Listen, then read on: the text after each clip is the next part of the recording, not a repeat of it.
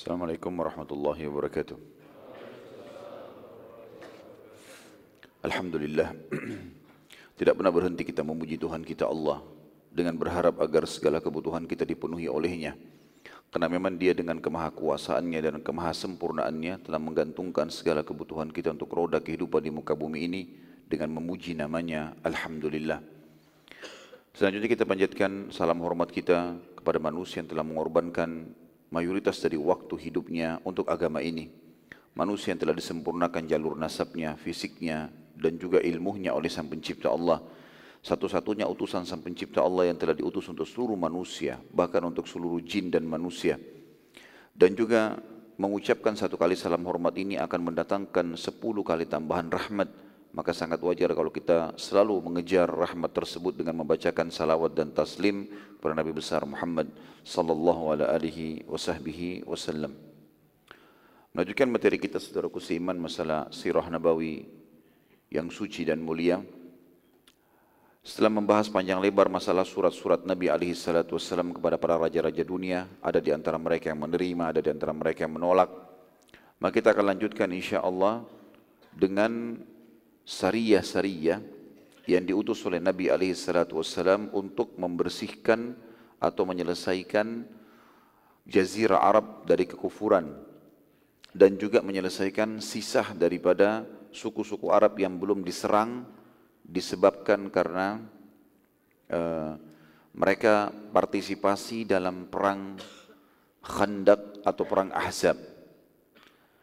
Nabi SAW pada saat selesai mengirim atau sementara mengirim surat-surat tersebut juga dari satu sisi beliau membentuk syariah-syariah.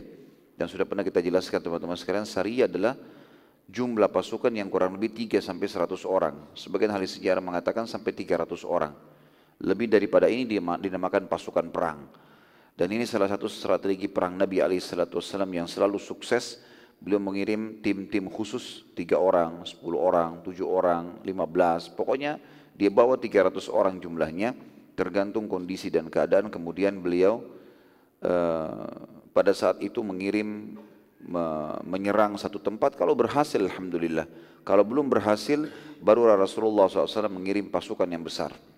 Dan umumnya selalu ini berhasil. Ya dikirim pasukan-pasukan khusus di mana mereka terlatih yang memang mereka mampu untuk mengalahkan eh, suku-suku uh, besar atau bahkan menguasai sebuah wilayah baik itu pedesaan, perkampungan, kota dan ini akan kita lihat banyak sekali dari apa yang Nabi SAW lakukan.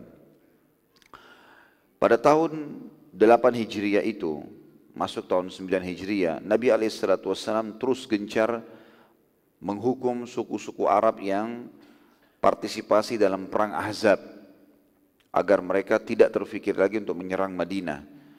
Dan yang masyhur adalah yang pertama Sariyah Hawazim, suku Hawazim. Pada bulan Rabiul Awal pada tahun 8 Hijriah, Nabi SAW mengirim Syuja' bin Wahab ke suku Hawazim dan berhasil menang serta mendapatkan banyak sekali harta rampasan perang. Padahal jumlah mereka tidak lebih dari 30 orang. Juga ada Sariyah Mulawih yang kedua. Sariyah Mulawih ini Nabi SAW mengutus Ghalib bin Abdullah ke wilayah Kudait dan tepatnya ke suku Mulawih yang dipimpin oleh Harith bin Malik. Jumlah pada saat itu kurang lebih 15 sampai 16 orang saja dari sahabat yang terpilih tetapi dengan izin Allah yang Maha Kuat, Ghalib bin Abdullah berhasil mengalahkan suku Mulawih yang terdiri dari ribuan orang. Syuja radhiyallahu anhu berkata, kami berhasil mengalahkan mereka dan kami mendapatkan tawanan juga hewan-hewan ternak yang sangat banyak. Jadi Syuja ini kebetulan ikut di uh, eh, Saria, dia yang pimpin Saria Hawazim dan di, eh, di Mulawih ini dia juga ikut jadi pasukan. Maka dia menceritakan kalau peperangan itu hanya belasan orang dan berhasil mengalahkan mereka dan banyak sekali membawa harta rampasan perang.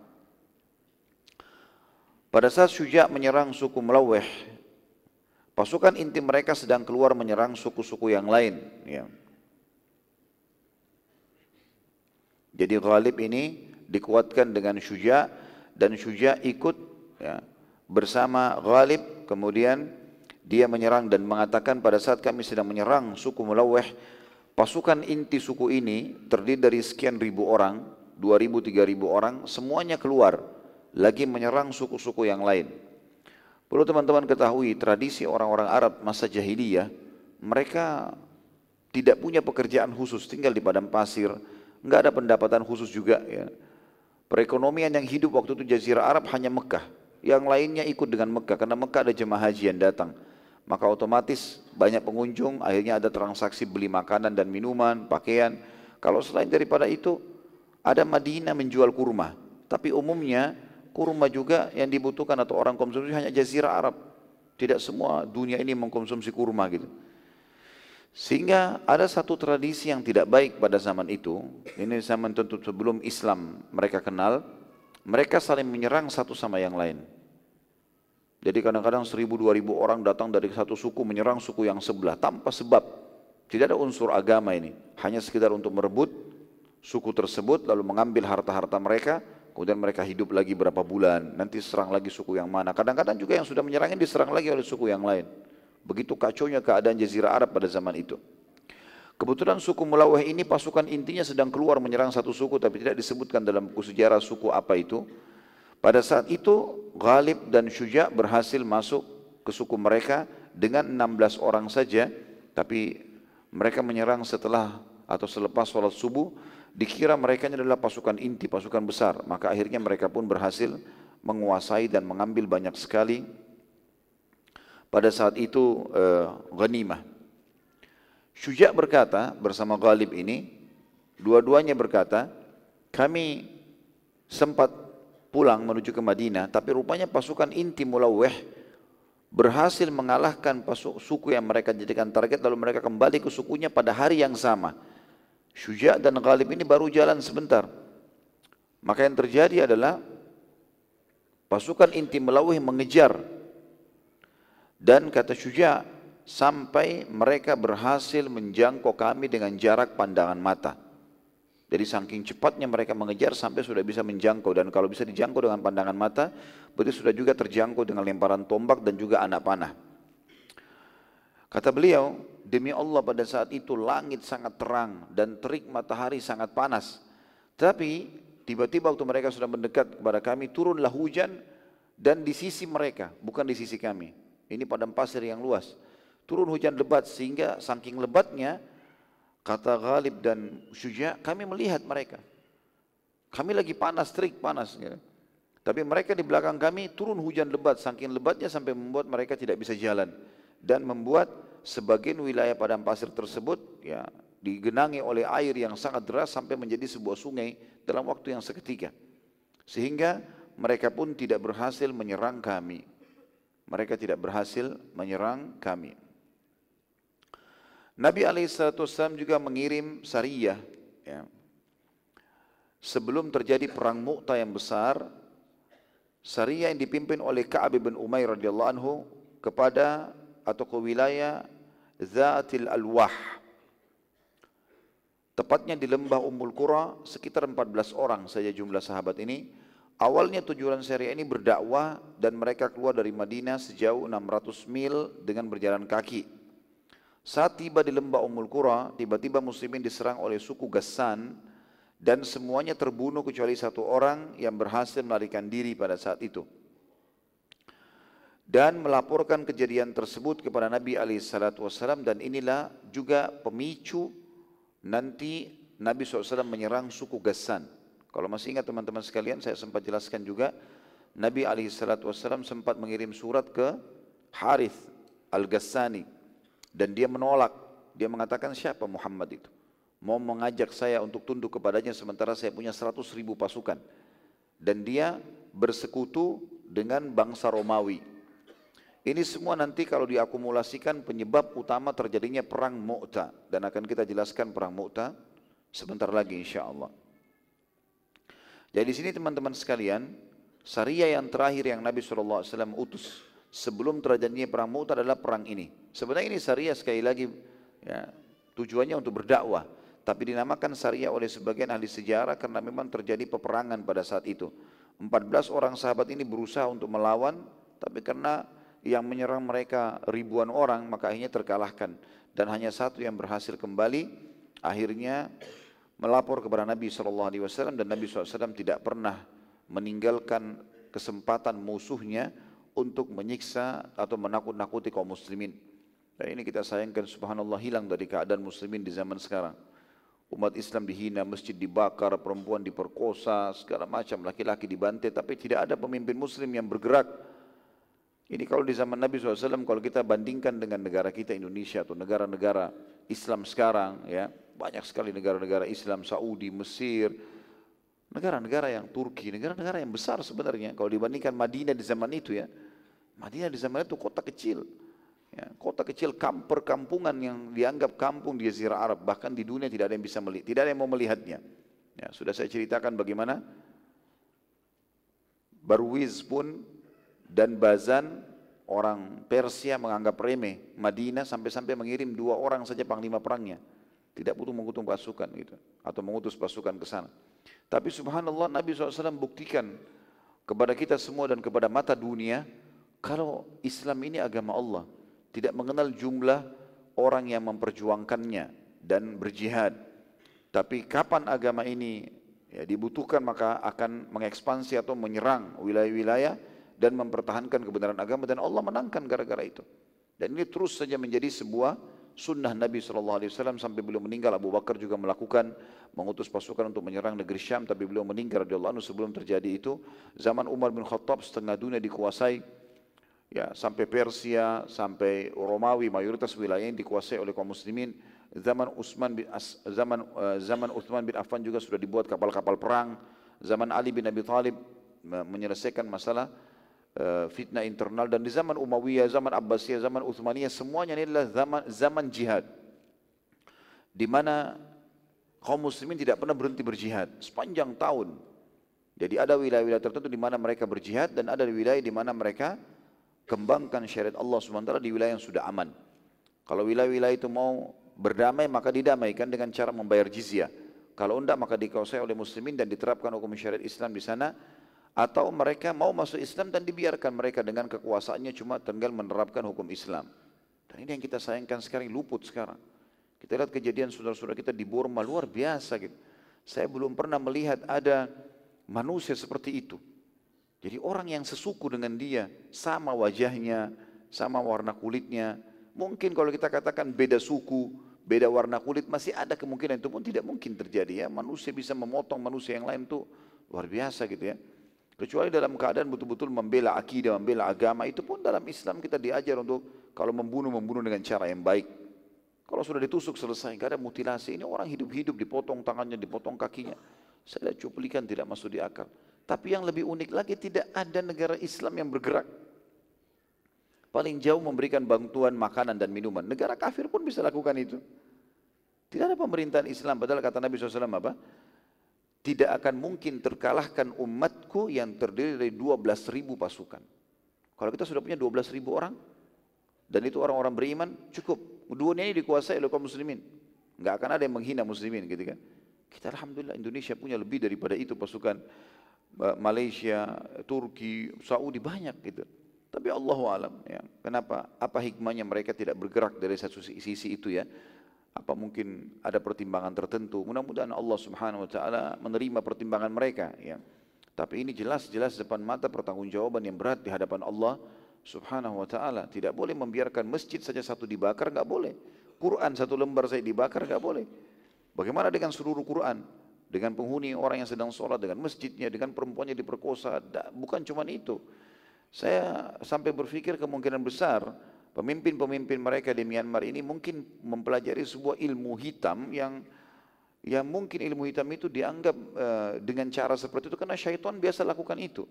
Orang-orang yang mau belajar ilmu kebal, orang mau belajar ilmu-ilmu yang berhubungan dengan syaitan biasa begitu. Dia harus jadikan tumbal manusia. Karena sampai pada tingkat setelah mereka membantai, mereka memakan dagingnya. Saya lihat cuplikannya ini, auzubillah rajim. Luar biasa gitu. Ada manusia seperti ini, ya. Yang jelas teman-teman sekalian, kita berharap satu waktu muslimin kembali dengan kejayaannya dan jumlah kita subhanallah tidak sedikit. Jumlah kita tidak sedikit. Pasukan militer negara-negara Islam banyak, gitu kan. Apalagi e, kalau dikuatkan dengan masyarakat, saya yakin umat Islam semuanya, jangankan e, militernya, masyarakat umum kalau dipanggil mereka pasti siap untuk membela agama Allah Subhanahu wa taala.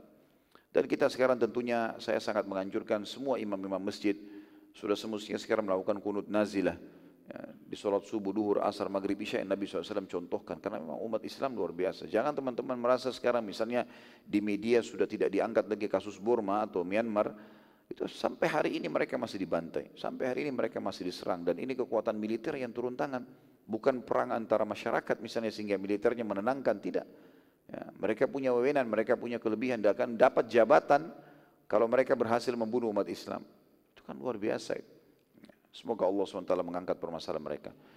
Jadi kita belajar sirah teman-teman bukan hanya belajar cuma sekedar mengenang kisah Nabi SAW tapi mengambil hukum di sini. Nabi SAW tidak pernah membiarkan ada satu suku Arab pun yang coba menakut-nakuti muslim atau menyerang Madinah. Walaupun dengan belasan orang, walaupun sekian puluh orang dikirim, serang mereka. Gitu kan. Nanti kita kalau kita lihat kisah di Abu Bakar radhiyallahu pada saat Nabi SAW meninggal, waktu itu mayoritas suku Arab yang sudah masuk Islam setelah pembebasan kota Mekah dan perang Tabuk, pada saat itu teman-teman sekalian, mayoritas suku Arab murtad sampai dikenal dengan hari riddah, hari pemurtatan massal. Karena orang-orang yang datang masuk Islam bersama Nabi SAW karena ketakutan saja, di akhir peperangan Nabi SAW setelah perang Tabuk. Nanti kita lihat setelah pembebasan kota Mekah ada perang e, kota Taif dan ada perang Tabuk. Nah pada saat itu suku-suku Arab karena ketakutan pada datang masuk Islam. Waktu meninggal Nabi SAW mereka murtad semua. Madinah tinggal Madinah saja sama Mekah yang menjadi basis Islam. Mayoritasnya semua murtad. Kalau Madinah sama Mekah jumlahnya cuma berapa ribu orang saja gitu. Seluruh jazirah Arab murtad. Lalu Abu Bakar bentuk pasukan. Tidak besar pasukannya kecil gitu. Cuma sekian ribu orang, seribu orang untuk berapa pasukannya. Kemudian Umar bin Khattab sempat menasihati Hai Abu Bakar, kenapa kita enggak kirim dai aja ke mereka? Kenapa tidak kita nasihati saja? Untuk apa kita kirim pasukan? Kalau ini pasukan dikirim Madinah kosong, enggak ada orang. Kata Abu Bakar, tidak demi Allah. Saya tidak akan pernah, ya, karena di situ bergabung antara orang yang murtad, orang yang mengaku nabi palsu, orang yang juga menolak membayar zakat. Kata Abu Bakar, saya akan memerangi siapa pun yang memisahkan antara zakat sama sholat. Gitu kan. Dan juga saya akan memerangi siapa pun yang pernah menyerahkan satu ekor domba pun kepada Nabi SAW zakat lalu dia berhentikan sekarang. Kata para ulama, maksud Abu Bakar kalau orang muslim yang menolak zakat tetap harus diperangi bagaimana dengan orang yang murtad, bagaimana dengan orang yang mengaku Nabi palsu dan semua betul Abu Bakar perangi. Waktu keluar pasukan tersebut, Umar tinggal di Madinah, nggak ikut menjadi wakilnya Abu Bakar, penasihatnya Abu Bakar saling berdiskusi gitu. Abu Umar mengatakan subhanallah setelah terjadi peperangan besar-besaran dan muslimin menang. Waktu itu musuh sudah punya tamak yang sangat besar untuk menyerang Madinah karena mereka tahu mayoritas suku Arab murtad di jazirah Arab. Mereka sudah punya keinginan besar untuk menyerang Madinah. Dan dengan hikmah Allah, Allah gerakkan hati Abu Bakar mengeluarkan pasukan dari Madinah. Semua pasukan inti di Madinah tinggal yang tinggal pasukan-pasukan sahabat-sahabat mulia Abu Bakar, Umar, Uthman dan beberapa sahabat yang lainnya semua sudah keluar mujahidinnya. Tinggal perempuan sama orang tua sama anak-anak. Jadi Madinah kalau diserang luar biasa habis pada saat itu. Tapi kuasa Allah dikirim semua pasukan inti keluar. Serang semuanya. Satu persatu kalahkan. Dengan izin Allah kalian akan menang. Waktu itu tersebar berita Jazirah Arab. Muslimin mengeluarkan pasukan ribuan orang. Berarti Madinah lebih banyak lagi pasukannya. Padahal sebenarnya Madinah kosong. Enggak ada orang gitu. Itu fakta sejarah. Dan gara-gara itu subhanallah muslimin menang akhirnya dimuliakan oleh Allah karena berjihad membela agama Allah dan juga akhirnya Madinah jadi aman. Allah SWT menjaga dengan kemahakuasaannya. Baik kita masuk teman-teman sekalian ke perang Mu'ta. Setelah syariah-syariah tersebut dan saya sudah sebutkan tadi teman-teman sekalian sebenarnya Penyebab perang Mu'tah ini adalah surat Nabi SAW dikirim kepada Al-Harith Al-Ghassani yang menolak untuk masuk Islam. Kemudian juga dia sekutunya Romawi yang juga Herakl telah berkhianat. Pertama mengatakan syahadat tapi ternyata dia pura-pura dan nanti kita lihat di sini sesuai dengan sabda Nabi SAW dia telah berdusta. Ya. Dia takut mempertahankan imannya ya, karena khawatir hilang kerajaannya. Kemudian juga ada utusan Nabi SAW yang dibunuh oleh pengikut suku Gassan. Ya. Maka Nabi SAW akhirnya mengutus pasukan. Nabi SAW terus memotivasi para sahabat umum, siapa saja mau ikut silahkan. Sampai terkumpul 3.000 orang. Dan jumlah ini termasuk jumlah yang paling besar sampai tahun itu. Belum pernah ada pasukan muslimin sebesar 3.000 orang ini. Karena sebelumnya kalau teman-teman review kembali perang Khaybar, jumlah muslimin cuma 1.400 orang. Mengalahkan 10.000 orang pasukan Yahudi gitu kan. Sekarang waktu Nabi SAW motivasi jihad segala macam berkumpul semua simpatisan dan juga sahabat yang dasarnya memang militan atau memang dia militer dia sudah tahu bagaimana berperang, sudah punya pengalaman-pengalaman bersama Nabi SAW, terkumpul sampai 3.000 orang. Lalu Nabi SAW bersabda, setelah kumpul pasukan tersebut, pemimpin kalian yang wajib kalian patuhi adalah Zaid ibn Harithah. Zaid ibn Harithah. Lalu kalau Zaid ibn Harithah, tentu Zaid ibn Harithah adalah orang yang mulia ya, anak angkat Nabi SAW. Dulu di awal Islam punya nama Zaid ibn Muhammad dan terkenal juga dengan hibbin Nabi wassalam, kekasih Nabi SAW. Kata Nabi SAW, kalau Zaid bin Haritha mati, wafat, maka diganti oleh Ja'far bin Abi Talib. Ini juga adalah kakaknya Ali bin Abi Talib, beda 10 tahun dengan Ali bin Abi Talib anhu. Orang yang sangat terkenal dengan keimanannya eh, dan dia sempat menjadi dai dan menjadi penyebab masuk Islamnya Najasyi. Kemudian kalau Ja'far meninggal maka digantikan dengan Abdullah bin Rawaha. Abdullah bin Rawaha. Tentu ini isyarat dari Nabi SAW kata ahli sejarah tentang akan mati syahidnya tiga orang ini. Karena Nabi SAW tidak pernah menyebutkan semoga Allah merahmatimu di kancah peperangan atau menyebutkan kalau si fulan mati digantikan oleh fulan, kecuali pasti berarti mati syahid itu. Begitu isyaratnya. Makanya para sahabat kalau lagi di kancah peperangan, mereka berharap selalu ngobrol dengan Nabi SAW dan Nabi, Nabi SAW mengatakan rahimakallah, semoga Allah merahmatimu. Kalau mereka mendengar itu mereka mengatakan wajabat ya Rasulullah, sudah kami dapatkan ya Rasulullah dan betul mati syahid sahabat itu. Mereka sudah tahu itu. Dan beberapa Yahudi ya, di wilayah Khaybar Waktu mendengar Nabi SAW ingin mengutus pasukan ini, kebetulan mereka pernah kita jelaskan di perang Khaybar teman-teman, tadinya orang Yahudi harus diusir kan, keluar dari Madinah, eh keluar dari Khaybar.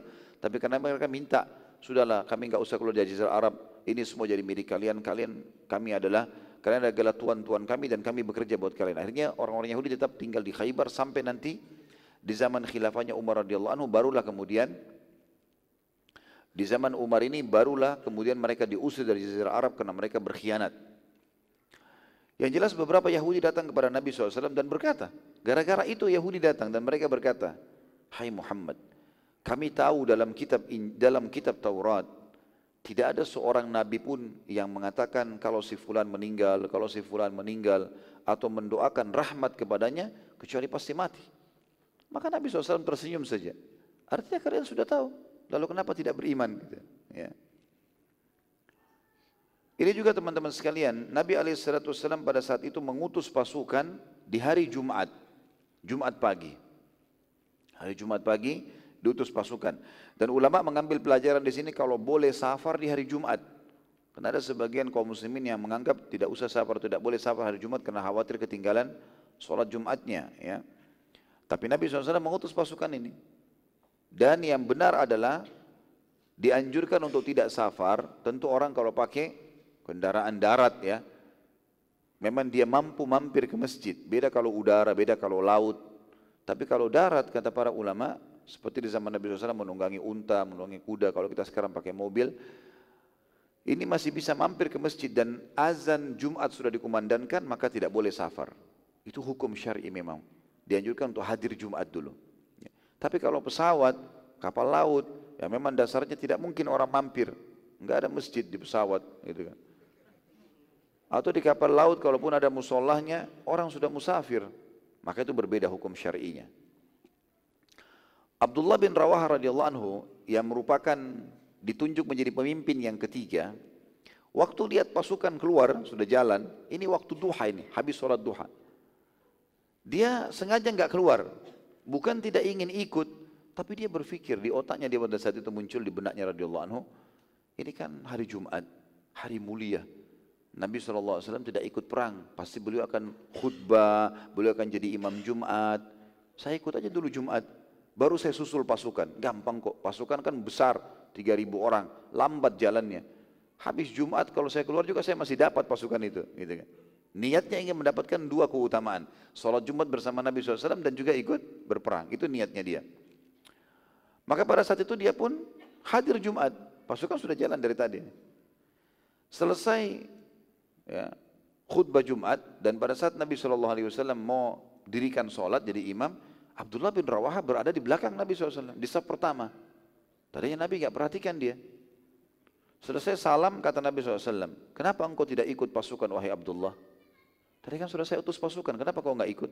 Kau kan pemimpinnya, salah satu pemimpinnya. Abdullah jawab, wahai utusan Allah, pasukan lambat jalannya dan aku yakin aku bisa mengejar mereka selepas sholat Jumat dengan anda. Supaya saya dapat juga keutamaan sholat Jumat. Perhatikan di sini teman-teman, apa jawaban Nabi SAW? Ini hadis yang mulia. Kata Nabi SAW, demi Allah wahai Abdullah, Walau engkau menginfakkan semua yang ada di bumi ini, di dunia ini yang kau miliki, apa saja. Semua dunia ini pun kalau kau miliki dan kau infakkan, niscaya kau tidak akan mampu mengejar pahala yang telah mereka dapatkan dari perjalanan pagi tadi. Sampai siang ini saja.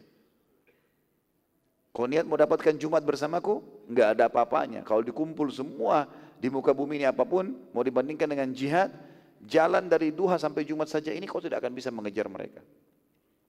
Maka Abdullah pun radhiyallahu anhu sempat menangis pada saat itu karena dia niatnya baik. Dia niatnya sebenarnya ingin mendapatkan keduanya gitu kan. Saat ditanya oleh beberapa sahabat, "Kenapa engkau menangis wahai Abdullah?" Ia menjawab, "Aku takut pada api neraka karena kekelirianku ini, ke ke ke kekeliruan ya." Sungguh aku tadinya ingin mengejar pahala Jumat bersama Nabi Wasallam di masjid Nabi Wasallam, sholat bersama Nabi keutamaan di masjid Nabi seribu pahalanya, gitu kan. Dan Jumat lagi, Ternyata pahala yang besar justru di pasukan yang telah aku abaikan. Maka Abdullah bin Rawah pun berdoa mengatakan, Ya Allah karuniahkanlah aku mati syahid di jalanmu. Sekarang dia, dia mau kejar pasukan, dia minta berdoa juga minta supaya mati syahid. Dan ini teman-teman sekalian pelajaran yang harus kita ambil di sini, hukum syar'i, perintah agama sudah jelas, maka jangan ragu dalam menjalankan. Eh, berapa orang beberapa orang jelas sudah dalam safar tapi masih ragu untuk jamak kasar misalnya. Masalah sederhana. Ada banyak orang saya temukan begitu. Kasus misalnya ini sudah di bandara, udah jelas-jelas mau berangkat safar, masih sholat itmam. Betul memang pilihan ya, tapi keutamaan ada di situ teman-teman sekalian. Memang Rasulullah SAW suruh kita jamak kasar kalau safar. Beda kalau antum sudah tiba di lokasi. Tiba di lokasi pilihan. Ya, tapi dalam perjalanan jamak kasar. Misal saya pernah kasih contoh orang mau berangkat dari Jakarta ke Surabaya, satu jam saja penerbangan. Baik, kita mau take off jam setengah satu atau jam satu siang. Anggaplah duhur baru masuk. Banyak orang di bandara saya temukan begitu, sering kali. Saya lagi masuk di musolahnya, sholat duhur, saya pikir mereka lagi jamak kasar. Ternyata saya pikir dua rakaat mau salam, ternyata lanjut. Sampai empat rakaat. Dan semuanya sama sholatnya begitu. Dan ini mereka akan satu pesawat dengan saya ini. Kemudian salam, maka saya jamak dan mereka keluar bubar. Kemungkinan pertimbangannya adalah akan tiba di Surabaya juga jam 2. Paling setengah tiga keluar asar jam 3 masih ada waktu untuk ikut sholat asar. Betul memang. Tetapi perintah agama rukhsahnya di situ. Nabi SAW mengatakan sadaqatu minallah fakbalu sadaqatullah tentang masalah jamak qasar salat dalam musafar. Itu sedekah dari Allah, terimalah sebagai sedekah dari Allah. Gitu kan. Dan Nabi SAW Ya, sering kali, bukan sering kali, memang selalu kalau dalam perjalanan safar menjamak kasar. Beda kalau sudah tiba di lokasi. Ya kita sudah tiba di lokasi, kita masih musafir, cuma tiga hari, cuma enam hari. Kita masih bisa musafir gitu kan. Masih jarak safar, masih safar. Di sini punya pilihan.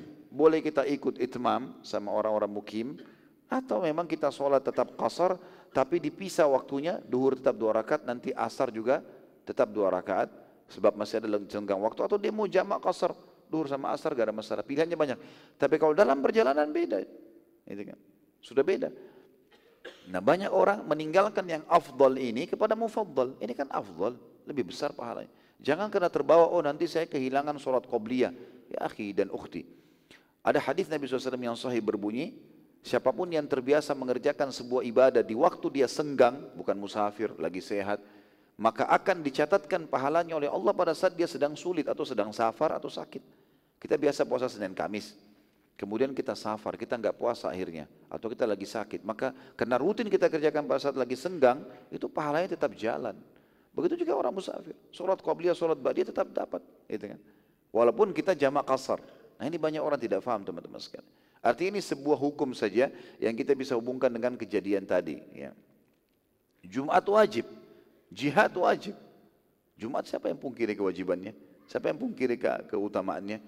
Bersama Rasulullah SAW di masjid Rasulullah SAW. Ini bukan main-main ini pahalanya. Orang kalau sholat sendiri seribu pahalanya di Masjid Nabawi. Kalau sholat berjamaah 25 kali lipat. Gitu kan. Berarti 25 ribu pahala sholat Jumat tetap dikalahkan karena perintah sudah ada di situ. Ya. Nabi SAW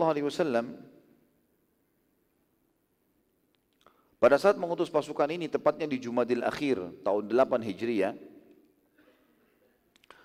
di pasukan ini pertama kali terlibat seseorang tokoh Islam nantinya tapi baru masuk Islam, muallaf ini dia masuk Islam di tahun 8 Hijriah itu Kurang lebih baru dua bulan, tiga bulan masuk Islam orang ini.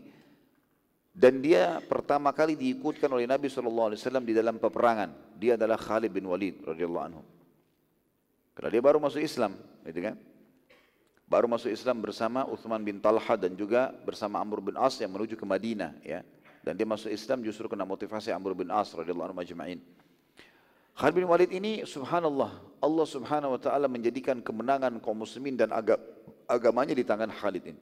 Radiyallahu anhu punya luar biasa kiprah dan strategi perang yang luar biasa. Padahal tadinya cuma penduduk Mekah. Tapi ternyata potensi yang ada pada manusia teman-teman sekalian tidak melihat wilayahnya. Jangan lihat orang dari fisiknya, jangan lihat orang dari daerahnya, tapi lihat potensi yang ada. Itu yang terjadi di zaman Nabi SAW. Jadi potensi kalau ada maka kita anggap itu potensi. Jangan anggap oh ini pasangan saya, oh ini ya teman saya, oh ini bawahan saya atau pegawai saya orang kampung dianggap tidak mengerti. Enggak. Ada potensi yang ada padanya, potensi itu kita besarkan.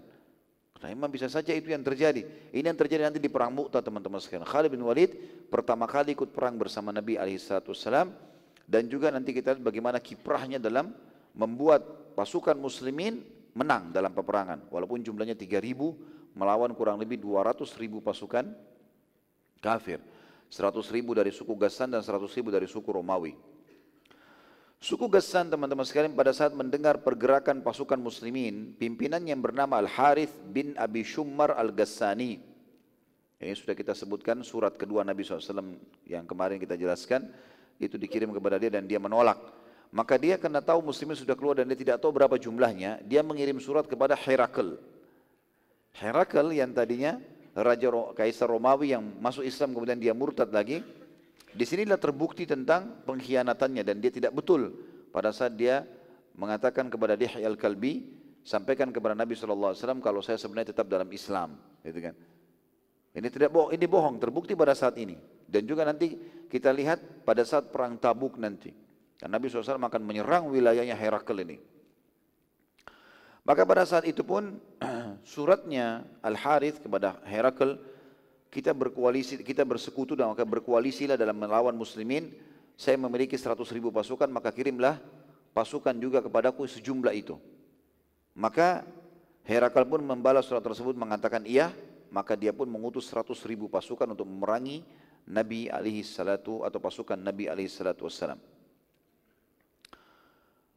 Herakl berkata dalam sebalasan suratnya, ia aku bersama kalian dan ia mengirim 100 ribu pasukan dan Al-Haris sendiri menyiapkan 100 ribu juga, maka berkumpullah 200 ribu pasukan. Di antara mereka 50 ribu pasukan berkuda yang akan menghadapi muslimin yang hanya berjumlah 3 ribu orang saja. 3 ribu melawan 200 ribu teman-teman. Ya, nggak nyambung sama sekali.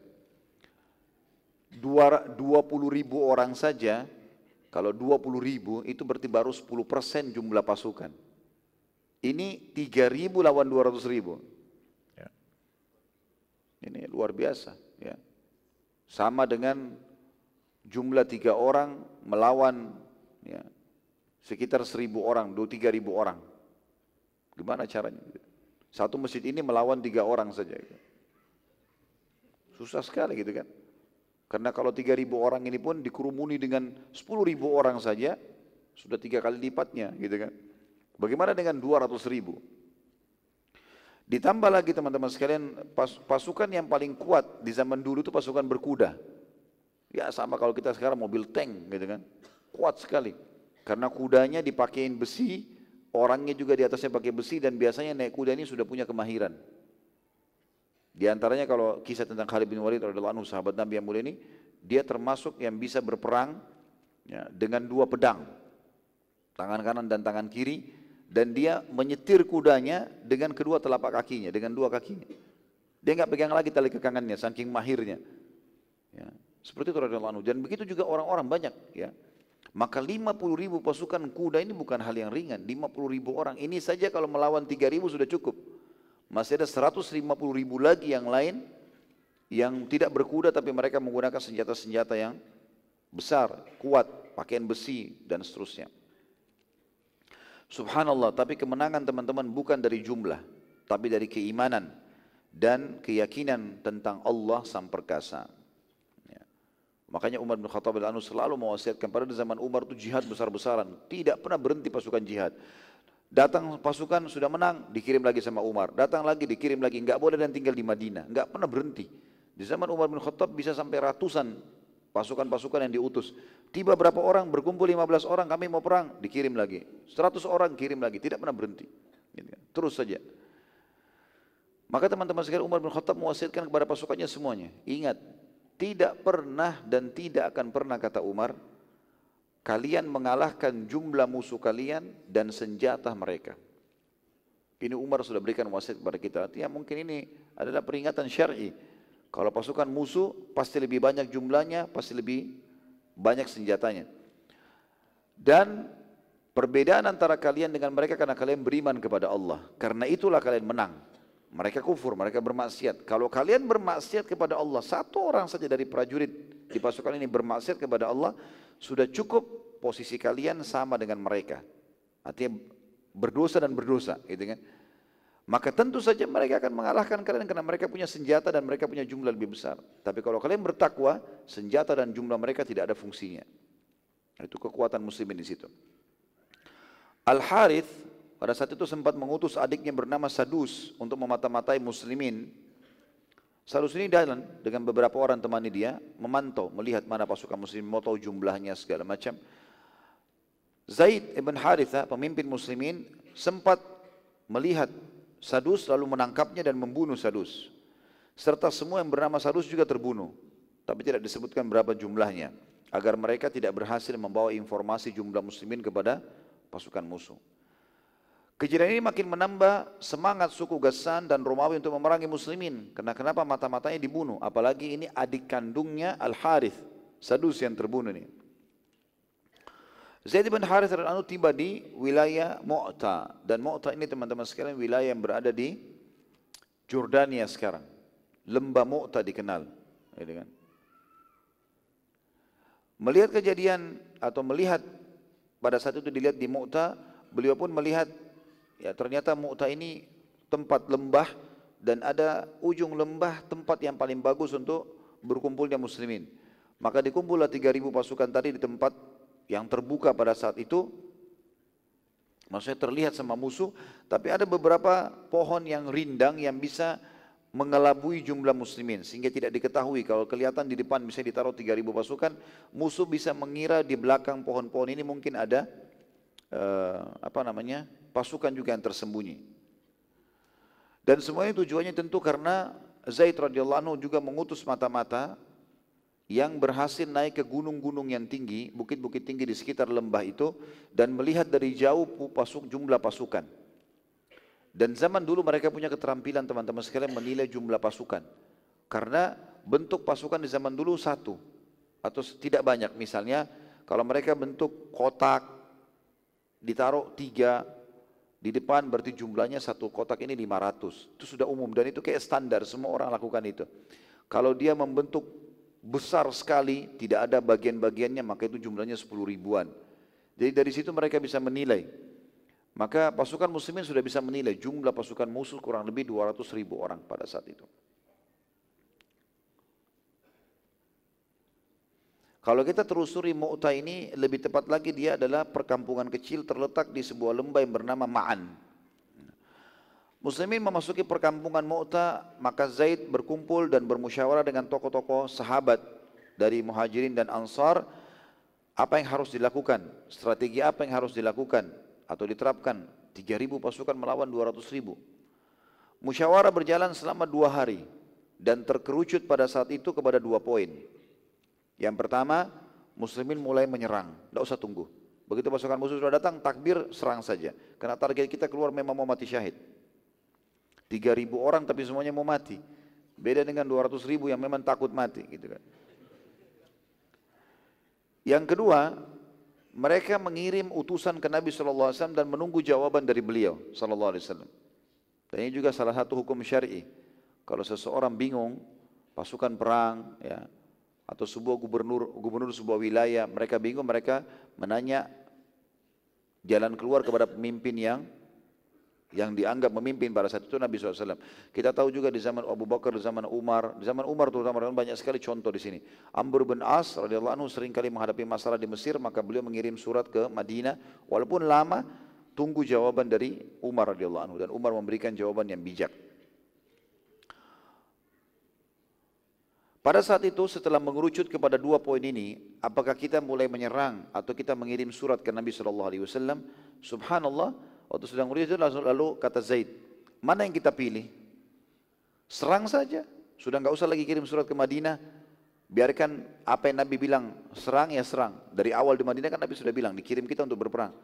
Atau kita pilih yang kedua, kita nyurat dulu, kita sembunyi dulu, tunggu sampai surat Nabi datang balik. Subhanallah pada saat itu dari 2999 sahabat ya, jadi kurang lebih tinggal Zaid bin Harithah sendiri radhiyallahu anhu yang memimpin mengatakan bagaimana pendapat kalian? Sekarang saya minta pilih salah satunya. Tidak bisa lagi kita uh, uh, menjalankan dua-duanya menyerang sambil mengirim surat itu nggak mungkin. Maka semuanya sepakat tidak satupun mereka semuanya sepakat untuk menyerang Ya, dan mereka semua berseru mengatakan, wahai Zaid, kami tidak keluar di sini jauh-jauh dari Madinah kecuali ingin merindukan surga. Maka tidak usah kirim surat lagi ke Madinah. Kalau berubah lagi instruksi Nabi kan jadi masalah buat kita nih. Ya. Udah sudah perang ya perang, udah selesai. Enggak ada yang mau pulang nih. Ya. Yang sudah berharap mati. Dan mereka sangat memahami sabda Nabi SAW, semua orang yang mati tidak berharap kembali ke dunia, kecuali orang yang mati syahid. Bukan berharap ketemu istrinya lagi, ketemu anaknya, kembali ke kendaraannya, bukan. Berharap ikut perang lagi, terbunuh lagi. Begitu terus karena besarnya pahala yang mereka dapatkan. Itu yang mereka rindukan dan tertanam betul-betul dalam hati para sahabat ridwanullahi alaihim masalah ini. Abdullah bin Rawah radhiyallahu anhu berdiri dan berkhutbah di hadapan para sahabat waktu itu dengan perkataan yang masyhur dan mengatakan, "Wahai muslimin, untuk apa kalian masuk Islam? Bukankah untuk masuk surga?" Ini surga sekarang di hadapan kalian. Tinggal tunggu musuh tusuk, mati selesai. Masuk surga. Kalau kita sekarang tunggu peluru kena satu, mati selesai. 70 keluarga masuk jamin masuk surga, kita masuk surga tanpa hisap, semuanya abadi sudah. Mendapatkan kematian dengan kemuliaan gitu kan. Ya ini sekaligus juga jawaban bagi orang-orang yang jiwanya pengecut. Ya. Tidak mau membela agama Allah SWT. Maka di sini teman-teman sekalian, beliau berkata juga, bukankah setiap orang dari kalian keluar dari Madinah karena berharap mati syahid? Ini sekarang peluangnya depan mata. Lalu untuk apa kalian menunda, menunda untuk apa kalian ragu dan menunda penyerangan? Tentu di sini teman-teman sekalian saya sudah bilang tadi semuanya semuanya sudah setuju sebenarnya tapi termasuk sunnah Nabi SAW walaupun pasukan sudah keluar untuk berperang tetap butuh motivasi-motivasi. Semua di kancah jihad dari zaman Nabi SAW sampai eh, Khulafa Rashidin sampai um, um, uh, Umayyah, Abbasiyah, Uthmaniyah, semuanya teman-teman pasti tetap ada motivatornya. Ada orang-orang yang memberikan motivasi. Di perang melawan Persia di zaman Umar bin Khattab dan dipimpin oleh Sa'ad bin Abi Waqqas, Sa'ad bin Waqqas memimpin 30 ribu pasukan melawan 240 ribu pasukan pada saat itu dan menang. Salah satu strategi saat waktu itu saat lagi sakit, kena penyakit kulit yang di punggungnya penuh dia nggak bisa, kena bisul-bisul yang tidak bisa dia berdiri. Jadi dia harus tengkurap. Maka dia minta dinaikkan di atas bukit yang tinggi. Kemudian dia melihat peperangan, kancah peperangan dari atas. Waktu dia lihat pasukan musuh besar, dia tahu pasukan muslim ini memang mau tunggu jihad, mau memang mau mati syahid, tapi dia tetap motivasi. Dia bentuk pasukan-pasukan dipecah jadi pasukan-pasukan kecil. Kemudian di setiap pasukan itu harus ada orang yang suaranya indah dalam membaca Al-Quran dan khusus memilih ayat-ayat tentang jihad dan keutamaannya. Yang satu lagi yang akan menafsirkan ayat-ayat jihad itu dengan kalimat-kalimat motivasinya. Sehingga betul-betul sebelum sebelum bertemu dengan musuh mereka sudah terbakar dengan semangat untuk mengejar surga. Gitu kan. Abdullah radhiyallahu terus saja memotivasi pasukan sampai semuanya bersemangat dan bertakbir dan siap untuk menyerang musuh. Seluruh pasukan muslimin lalu berkemah di dalam Mu'ta menunggu pasukan musuh tiba. Ini teman-teman 3000 dibandingkan 200 ribu, berapa kali lipat itu. Ya. Itu luar biasa ya, jumlah pasukan yang sangat luar biasa.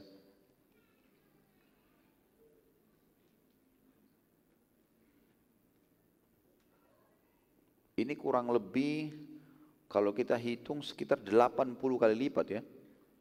Kurang lebih lah ya. Karena kalau 3000 kalau kita hitung 100 eh, kali lipat 300 ribu kan, ini 200 ribu.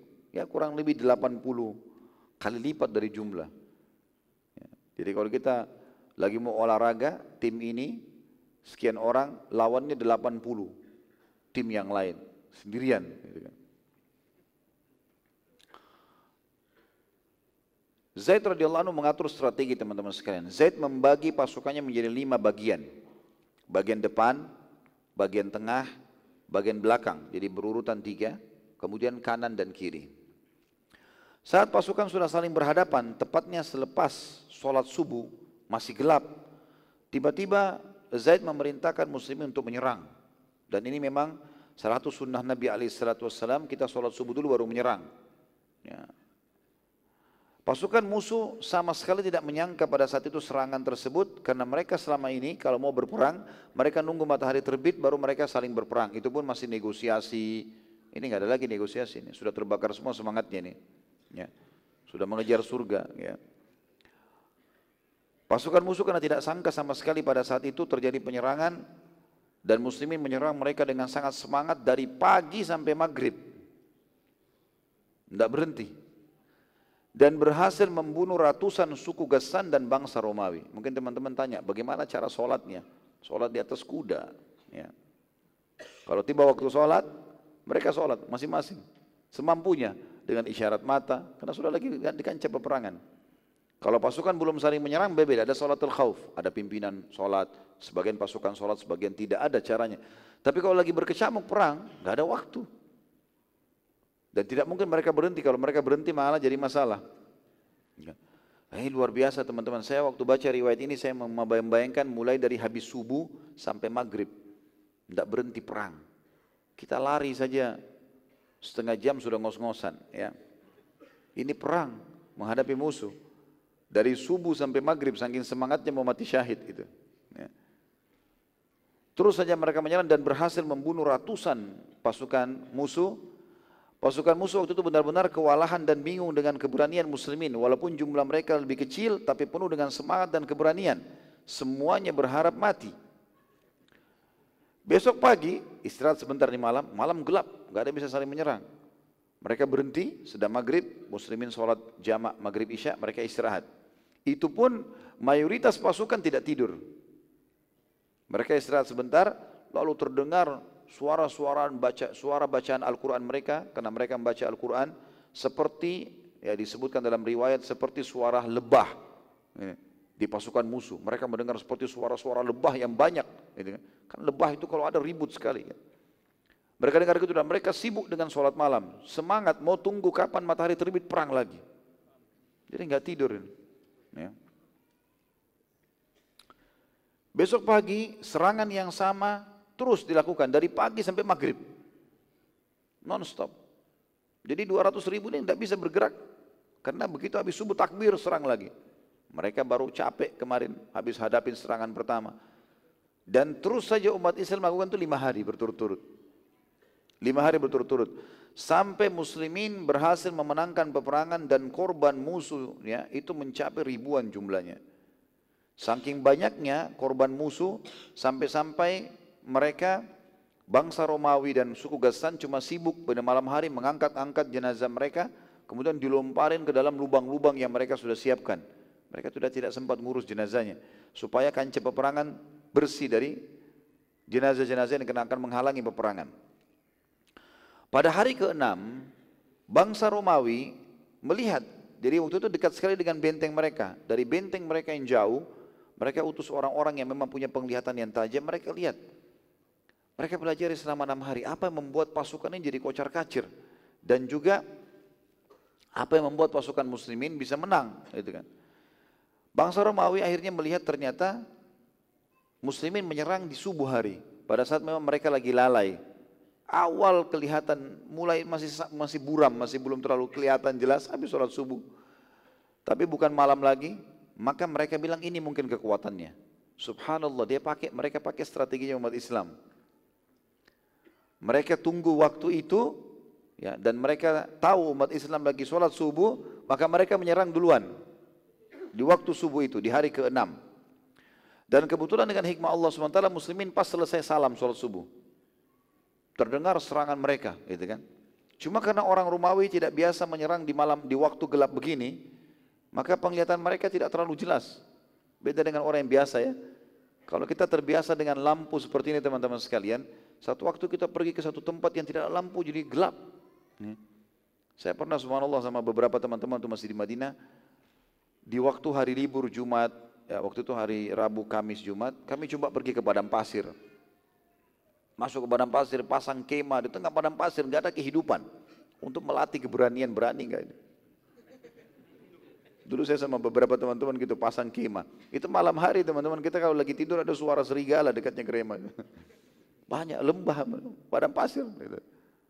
Tapi kita coba tinggal di situ. Tapi alhamdulillah kita sholat berjamaah di situ, kita baca kitab Riyadus Solihin gitu. Tapi untuk melatih itu, kita pergi naik ke gunung-gunung, cari mata-mata air yang di situ yang tidak ada orang gitu. Padang pasir luas sekali. Berapa hari karena tidak lihat cahaya lampu, nggak ada lampu, gelap. Masuk di kota Madinah, kayak aneh rasanya, kayak asing. Melihat lampu lagi kembali. Tadinya hari pertama kita rasa gelap, hari kedua, begitu hari ketiga sudah mulai lebih terang kita melihat, walaupun malam hari kelihatan tuh padang pasirnya. Ternyata seperti itulah, mata kita biasa beradaptasi ya. Karena mereka tidak sempat seperti itu, tidak terbiasa bangsa Romawi, maka mereka agak kewalahan awalnya menyerang.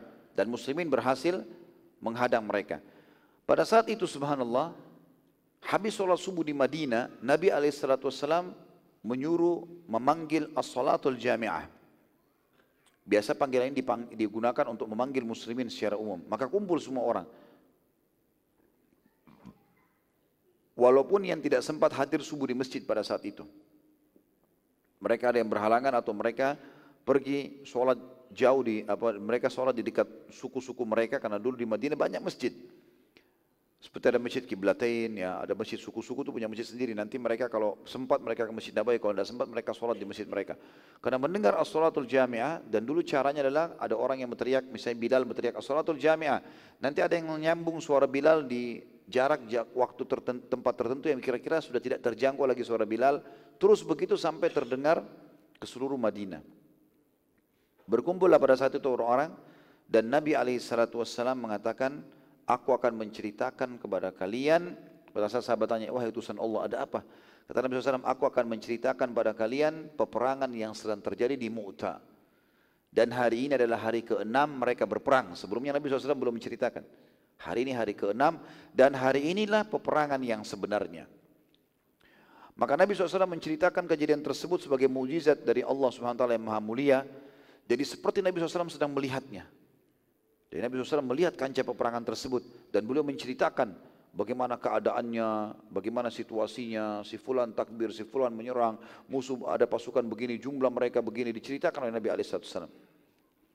Nabi SAW mengatakan, sungguh aku sekarang melihat Zaid sedang memegang bendera dan masuk menyerang di tengah-tengah musuh dan dia dikerumuni oleh musuh sementara muslimin sedang berusaha melindunginya. Sampai akhirnya beberapa anak panah dari jarak jauh mengenai tubuh Zaid dan jatuhlah Zaid mati syahid. Allah itu di hari ke-6. Gitu kan? Dan ini tentu teman-teman sekalian terjadi setelah orang-orang Romawi mempelajari kekuatan muslimin. Selain mereka menyerang pagi juga diketahui kalau pemimpin muslim ada ini. Karena pemimpin waktu itu harus pegang bendera. Semua pemimpin perang muslimin memegang bendera dan mereka harus punya keterampilan. Pegang bendera di tangan kanan tangan kiri tangan satunya harus pegang pedang. Mereka tidak punya perisai gitu kan? Kalau pasukan umumnya muslimin pegang perisai satu pegang pedang satu. Atau pegang tombak pegang perisai untuk melindungi dirinya. Pemimpin perang tidak seperti itu terbuka sekali. Maka karena bendera dilihat berpegang berdiri dan diketahui inilah kekuatan umat Islam di situ maka mereka berusaha melemparkan anak-anak panah mereka. Dan sebagian asar menyebutkan di tubuh Zaid ya tidak tersisa tempat kecuali kena anak panah. Artinya satu kali dilempar anak panah itu bisa mungkin ratusan anak panah. Dan akhirnya tidak ada kesempatan Zaid radhiyallahu untuk membela diri dan akhirnya beliau mati syahid. Tentu ini kemuliaan ya. Dan jangan terpengaruh teman-teman sekalian dengan keadaan fisik orang yang mati syahid. Tidak usah terpengaruh. Hamzah radhiyallahu anhu fisiknya rusak.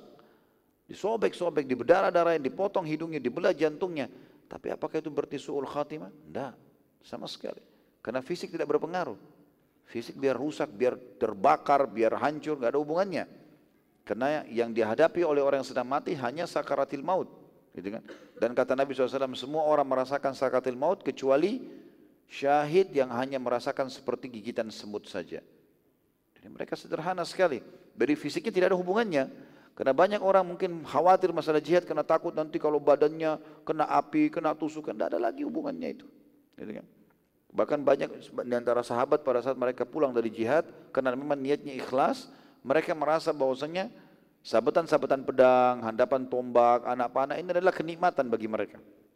Bahkan Khalid bin Walid mengatakan oleh Anu sebelum meninggal, tidak ada sedikit celah pun di tubuh saya kecuali ada sabetan pedang, ya, tancapan tombak ataupun anak panah. Tapi akhirnya saya mati seperti matinya wanita, ya, mati di atas ranjang. Beliau berharap mati syahid radhiyallahu anhu. Kemudian kata Nabi SAW, setelah jatuh Zaid, bendera hampir jatuh, karena yang ditugaskan yang kedua adalah Ja'far bin Abi Thalib, maka Ja'far pun datang kata Nabi SAW, memegang bendera. Dan kemudian memacu, memicu dan memacu kudanya ya untuk masuk ke tengah-tengah pasukan musuh. Dan terus saja dia menembus musuh-musuh dan menjatuhkan korban-korbannya sampai ada banyak musuh mengurumuni Zaid, mengurumuni Ja'far karena mereka tahu ini bendera, ini kekuatan umat Islam.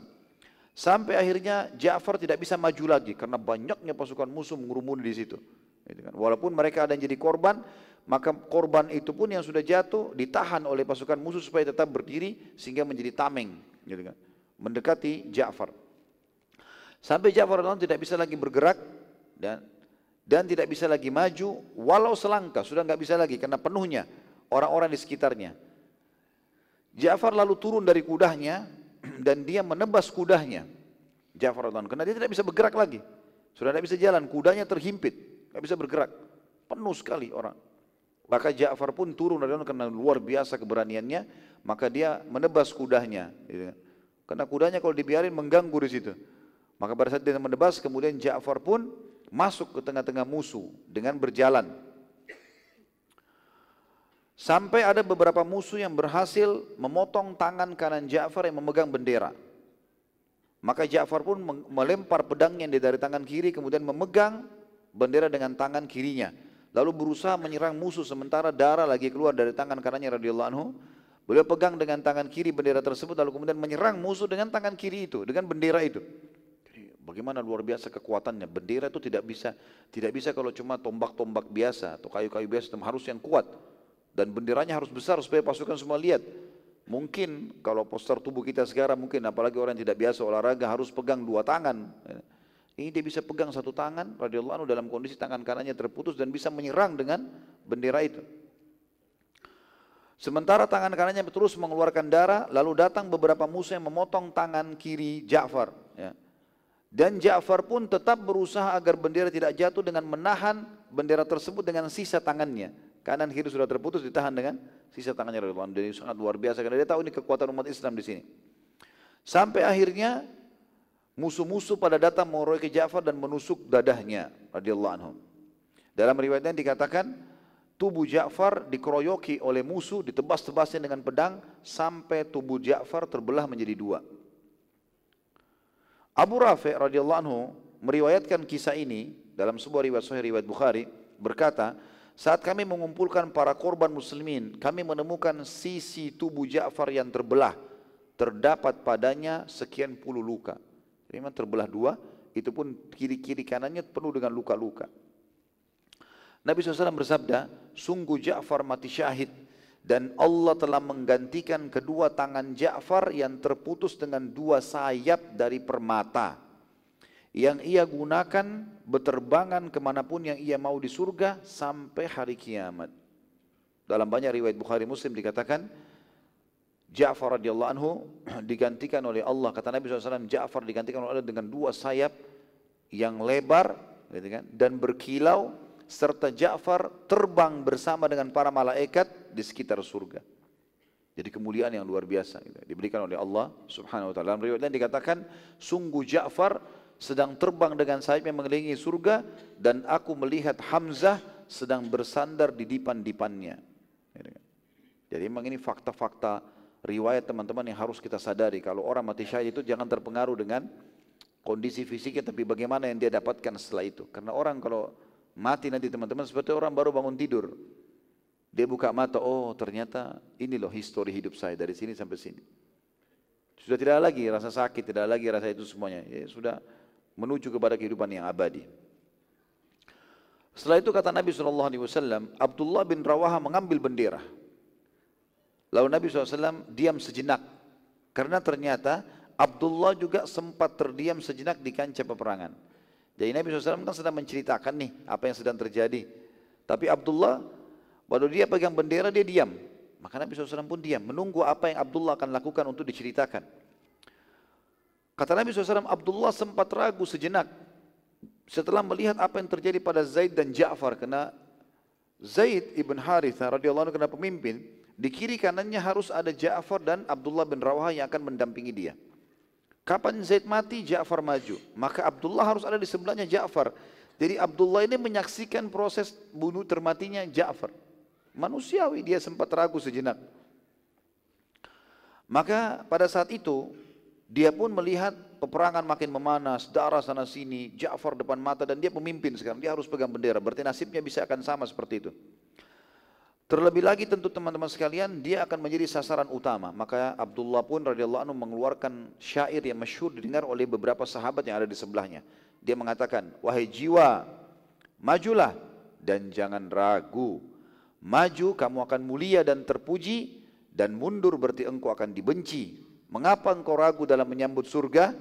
Bila engkau melakukan perbuatan keduanya, maka engkau pasti akan mulia. Artinya maju sambil mengejar, ya, eh, apa namanya? Maju sambil mengejar surga itu.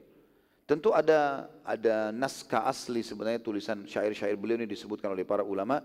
Namun saya mengambil kesimpulan dari syair itu yang tadi saya ucapkan itu. Maka Abdullah pun radhiyallahu anhu dengan bertakbir Allahu Akbar membawa bendera di tangan kirinya dan memegang pedang di tangan kanan kemudian menyerang masuk ke tengah-tengah musuh. Sampai akhirnya Nabi SAW menceritakan Abdullah lalu masuk menyerang musuh dengan semangat mengejar surga. Di tengah kancah Abdullah melihat pimpinan Nasrani dari Arab Gassan yang bernama Malik ibn Rafila. Abdullah waktu dia menyerang gitu ya, dia lihat ada salah satu pimpinan orang di sana suku Gassan maka Abdullah pun menyerangnya dan Abdullah berhasil membunuhnya Penyerangan terjadi dari pagi sampai malam non-stop, terus saja. Salah seorang keluarga Abdullah bin Rawah membawa bekal makanan daging yang sudah dimasak, ditaruh di, di kantong bajunya, karena mereka tidak sempat makan. Kalau mereka lapar sambil berperang, mereka memakan daging tersebut. Gitu kan. Maka ia pun keluarganya Abdullah ini mengambil potongan daging kebetulan ada sebelah Abdullah lalu melemparnya ke Abdullah mengatakan makanlah wahai Abdullah kuatkan tubuhmu dengan sedikit daging ini Abdullah pun sambil mengambil sepotong daging tersebut dari paha kambing dan memakannya. Pada saat dia makan, dia berkata dengan suara yang didengar oleh sebagian orang di sebelahnya, Demi Allah bila aku menunggu sampai kambing ini habis, aku kunyah, sungguh kehidupan yang masih lama. Maka ia lalu membuang, potong, membuang potongan daging tersebut dan terus menyerang musuh sampai menjelang malam tiba. Musuh lalu mengepung Abdullah setelah mengetahui kalau Abdullah adalah pimpinan perang muslimin sampai akhirnya mereka berhasil membunuh dan mati syahidlah Abdullah pada malam itu sebelum bubar pasukan. Jadi hari yang sama hari ke-6 meninggal semuanya tiga orang pemimpin muslimin. Tapi karena malam maka berhenti peperangan. Muslimin mengurus jenazah-jenazah tersebut. Nabi SAW bersabda pada saat itu, Sungguh aku diperlihatkan oleh Allah singa sana yang disiapkan untuk ketiga sahabat kalian ini. Zaid bin Haritha, Ja'far bin Abi Talib dan Abdullah bin Rawaha. Namun singa sananya Abdullah lebih sederhana dibandingkan milik Ja'far, Zaid dan Ja'far. Riwayat lain menyebutkan bahwasanya lebih eh, kakinya tiga dan yang Zaid sama Ja'far empat. Sehingga sananya lebih besar gitu kan. Maka para sahabat bertanya, ya Rasulullah kenapa bisa berbeda? Bukankah tiga-tiganya sahabat anda? Tiga-tiganya ikut berperang, tiga-tiganya pemimpin, tiga-tiganya mati syahid. Kata Nabi SAW, karena Abdullah sempat ragu sejenak saat ingin menyerang musuh waktu pegang bendera. Itu saja. Sudah cukup mengurangi fadilah. Sementara Zaid sama Ja'far tidak ragu sama sekali. Ini teman-teman sekalian pelajaran besar dalam masalah ibadah. Enggak boleh ragu. Azan enggak ada negosiasi sama syaitan. Enggak ada lagi. Azan, sholat, selesai urusannya. Enggak usah negosiasi, ngantuk nanti dulu, enggak ada ceritanya. Ya, negosiasi harus tegar ini ya. Ada orang miskin depan mata, sadaqah, enggak ada negosiasi sama syaitan. Enggak usah itu masih kuat, masih muda. Lawan semua, harus. Mulai dari hal kecil teman-teman. Karena untuk berkorban, berjihad, menumpahkan darah, antum harus mulai dari hal yang kecil. Udah biasa belum keluarin uang di kantong untuk celengan masjid nih. Hah? Udah biasa belum berhenti setiap orang miskin berhenti kasih bantuan. Udah biasa belum sisipin waktu untuk sholat malam walaupun mengantuk. Pengorbanan-pengorbanan harus ada. Nanti itu akan mendongkrak kita kalau bersatu semua untuk bisa mengorbankan darah kita di medan perang. Kalau tidak ada sebelumnya itu susah. Yang membuat sahabat bisa melakukan ini justru karena masalah itu teman-teman sekalian. Saya mengatakan dalam tulisan saya tentunya ya, sebuah poin yang saya jadikan pelajaran maha suci Allah. Hanya dengan keraguan sejenak sudah cukup mengurangi kedudukan di sisi Allah. Makanya setiap muslim tidak boleh ragu sedikit pun akan janji Allah yang maha benar. Terutama masalah surga. Dan kematian tidak perlu ditakuti karena pintu menuju ke akhirat dan surga. Saya sudah pernah bilang mati bagi seorang muslim adalah awal segalanya. Dan bukan akhir segalanya. Karena dia begitu mati bertemu dengan Allah SWT. Mendapatkan surga. Itu harus dirindukan oleh setiap orang beriman. Makanya para sahabat, para tabiin, mereka kalau ada yang mau meninggal selalu datang teman-temannya memotivasi. Motivasinya adalah berita gembira, kau akan dahului kami, meninggal. Kau akan bertemu dengan kekasih Rasulullah SAW, ketemu dengan orang-orang soleh, kau akan bertemu dengan Tuhanmu, kau akan menikmati surgamu. Itu motivasinya. Dan memang begitu setiap orang muslim. Dunia ini sebentar teman-teman sekalian, itu target utama kita. Itu yang semestinya harus ditanamkan di benak setiap muslim. Abu Rafi radhiyallahu mengatakan, jadi kebetulan beliau hadir dalam perang Mu'tah dan menyaksikan itu. Paling banyak riwayat perang Mu'tah dari Abu Rafi radhiyallahu anhu. Beliau meriwayatkan hadis tentang perang tersebut dan ia hadir secara langsung berkata, setelah terbunuh dan bendera muslimin jatuh, sementara setelah ketiga orang yang terbunuh, Nabi SAW tidak membebankan lagi bendera pada siapa pun, karena Nabi cuma sebutkan tiga orang ini. Sekarang siapa di antara muslimin harus jadi pemimpin? Maka demi Allah, aku melihat semua pasukan muslimin berlarian dari kancah peperangan. Karena sudah tidak ada Abdullah mereka lihat mati, bendera jatuh. Berarti muslimin kalah, bubar pasukan muslimin. Banyak yang keluar dari kancah peperangan. Sampai tidak ada seorang sahabat pun bersama dengan sahabatnya. Dan aku belum pernah melihat kekalahan sehebat itu. Kekuatan pasukan perang pada zaman itu tergantung pada bendera. Kalau bendera jatuh berarti dianggap kalah. Kalau kalau masih ada berarti menang. Dan waktu itu saking dahsyatnya peperangan dan berbaurnya antara pasukan musuh, sama pasukan muslimin sampai muslim karena banyaknya pasukan musuh sampai setiap muslim lihat di kiri kanannya sudah nggak ada muslim. Dari kiri kanan semua ini musuh. Padahal sebenarnya masih banyak muslim, masih ribuan orang. Tapi saking banyaknya musuh yang berbaur dengan pasukan muslimin, satu muslim mungkin dikeroyokin 10 orang, 20 orang. Jadi dia lihat kiri kanan tidak ada lagi muslim. Begitu melihat mereka melihat bendera masih ada, mereka terus menyerang. Berarti pasukan muslimin masih ada. Tapi begitu tidak ada mereka coba sebenarnya di sini teman-teman sekalian bahasa mereka ber, berlarian keluar dari kancah peperangan bukan, bukan untuk lari dari medan perangnya karena semua sahabat tahu itu dosa besar.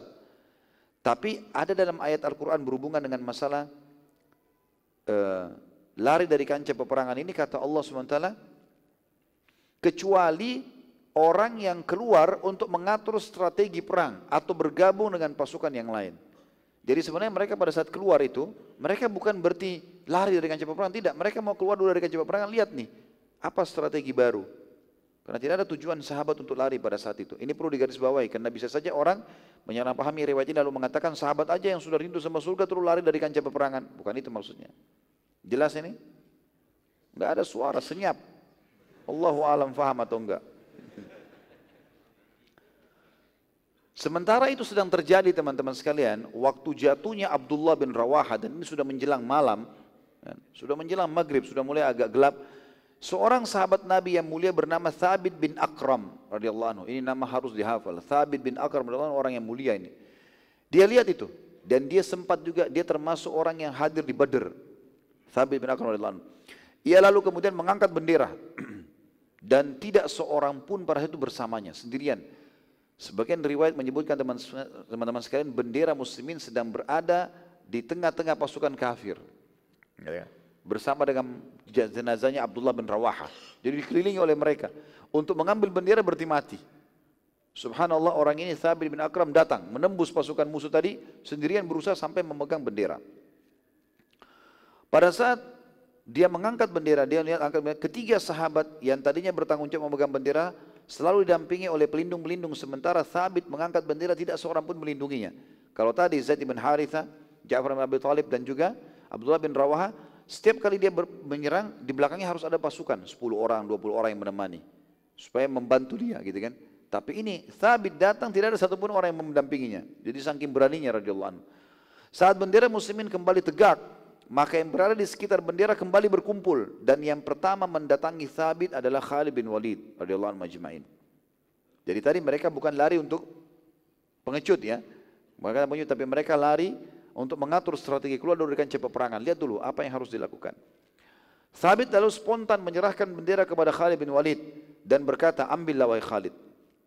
Khalid menjawab, "Wahai Thabit, engkau lebih tua, kau lebih senior ini dan menghadiri perang Badar." Khalid Walid tahu siapa Thabit ini, orang yang mulia gitu. Kata Thabit, "Demi Allah aku mengambilnya untuk aku berikan kepadamu, engkaulah ahlinya." Saat itu keadaan bukan lagi saatnya berdiskusi, tapi harus segera ada yang bisa memimpin. Thabit tahu, walaupun dia muslim sudah lama dan Khalid baru masuk Islam, tapi secara strategi perang Khalid bin Walid lebih mahir. Maka dia pun melempar bendera tersebut dan memberikan kepada Khalid bin Walid radhiyallahu anhu. Lalu Khalid pun tidak banyak berbicara. Segera menegakkan dan menggerak-gerakkan bendera tanda pasukan harus segera berkumpul. Subhanallah tiba-tiba seluruh pasukan muslimin, ini yang tadi saya katakan teman-teman, bukan berarti lari karena takut. Karena mereka bingung, balik kiri kanan tidak ada muslim yang kelihatan. Maka semuanya pada saat lihat bendera berkumpul seketika, ribuan orang tiba-tiba berkumpul di situ dan segera semuanya bertakbir di sekitar bendera. Lalu Khalid tidak pakai menunggu, langsung mengatakan Allahu Akbar serang ke arah mana saja. Suruh serang. Orang-orang Romawi waktu lihat kejadian tersebut teman-teman sekalian, tiba-tiba pasukan berkumpul ribuan orang, mereka pikir ini ada bantuan datang. Ini dari mana? Kalau tadi pasukan yang sudah kewalahan ini, sudah pada lari, kau bisa kembali, bagaimana ceritanya ini? Kalau di hukum mereka, negara mereka atau keyakinan mereka tidak mungkin terjadi gitu. Setelah itu mereka menyerang, menyerang lagi dengan semangat seperti awal. Padahal ini sudah sore, sudah maghrib, gitu kan. Ini dari pagi berperang. Suku Gassan dan suku Romawi waktu itu benar-benar tidak percaya melihat apa yang terjadi. Muslimin menyerang mereka sampai menjelang maghrib tadi dan sampai malam tiba pun mereka masih terdengar pecikan takbirnya dan sampai menjatuhkan masih menjatuhkan korban-korban musuh.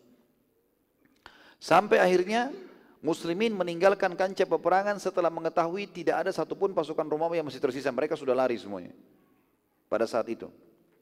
Nabi SAW kembali menggambarkan peperangan yang sedang terjadi setelah beliau diam sejenak dan tepatnya setelah terburunya Abdullah bin Rawah radhiyallahu anhu. Beliau bersabda dan sekarang bendera di tangan Khalid bin Walid. Pedang Allah yang terhunus. Di sinilah beliau mendapatkan gelar itu serta muslimin kembali menyerang dan ketahuilah bahwasanya peperangan yang sebenarnya puncaknya sekarang terjadi.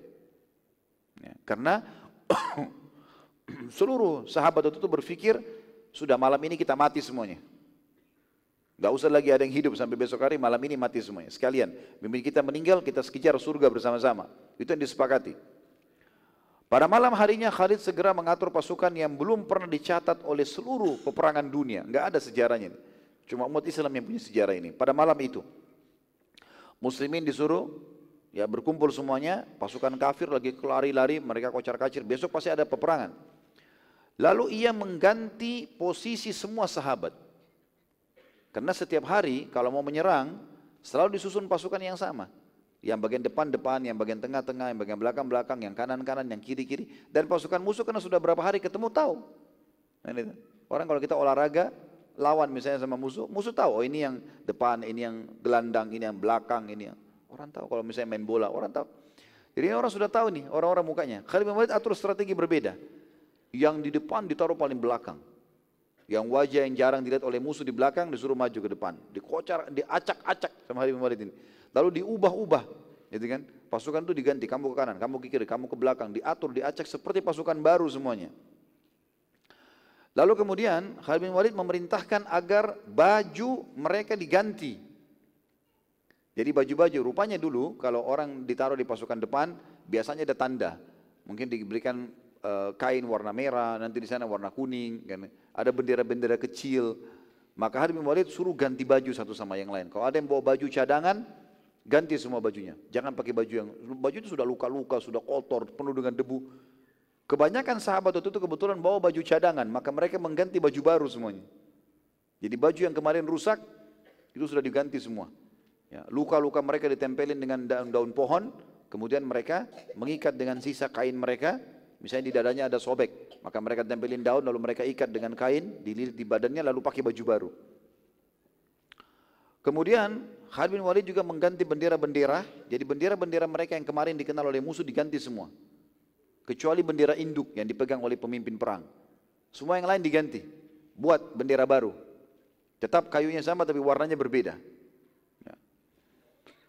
Kemudian pada saat itu Khalid bin Walid memotivasi mereka untuk semuanya sholat malam. Pada malam itu walaupun mereka dalam kondisi capek, letih. Setelah mengurus jenazah-jenazah para sahabat termasuk tiga pemimpin muslim tadi.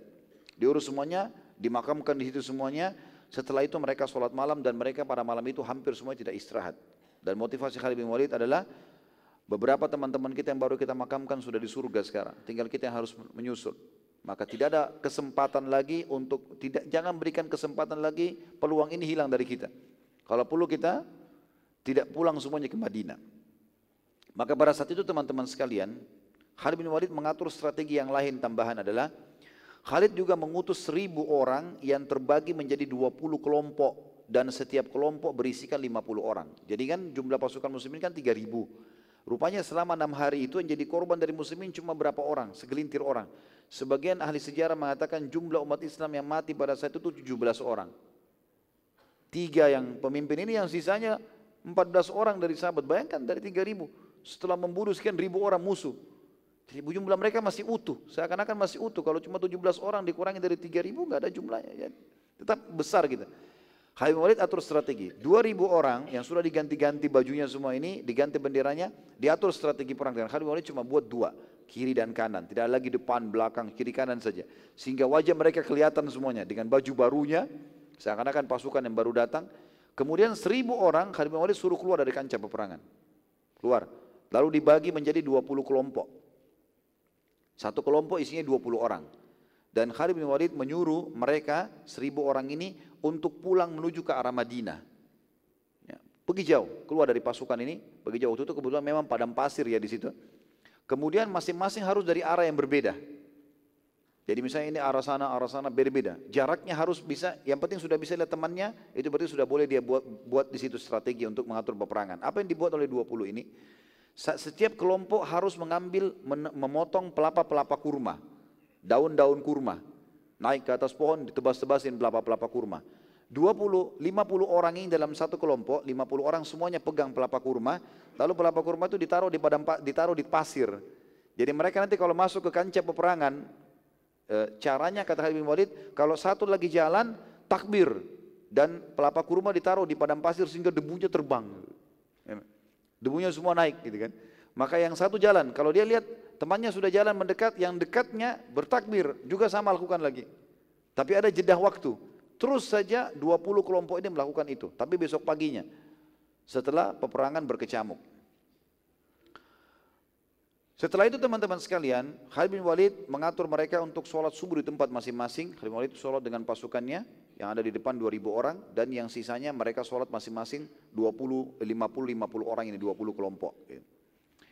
Pagi hari teman-teman sekalian, waktu sudah terang matahari, waktu itu Khalid Walid tidak serang habis subuh. Sengaja memperlihatkan pasukan. Musuh nunggu, subuh nyerang enggak? Enggak nyerang. Maka masih kelihatan musuh-musuh banyak yang mengambil-ambil jenazah-jenazah mereka, memindahkan. Tapi mereka tidak lagi jenazah muslimin, sudah diamankan malam harinya.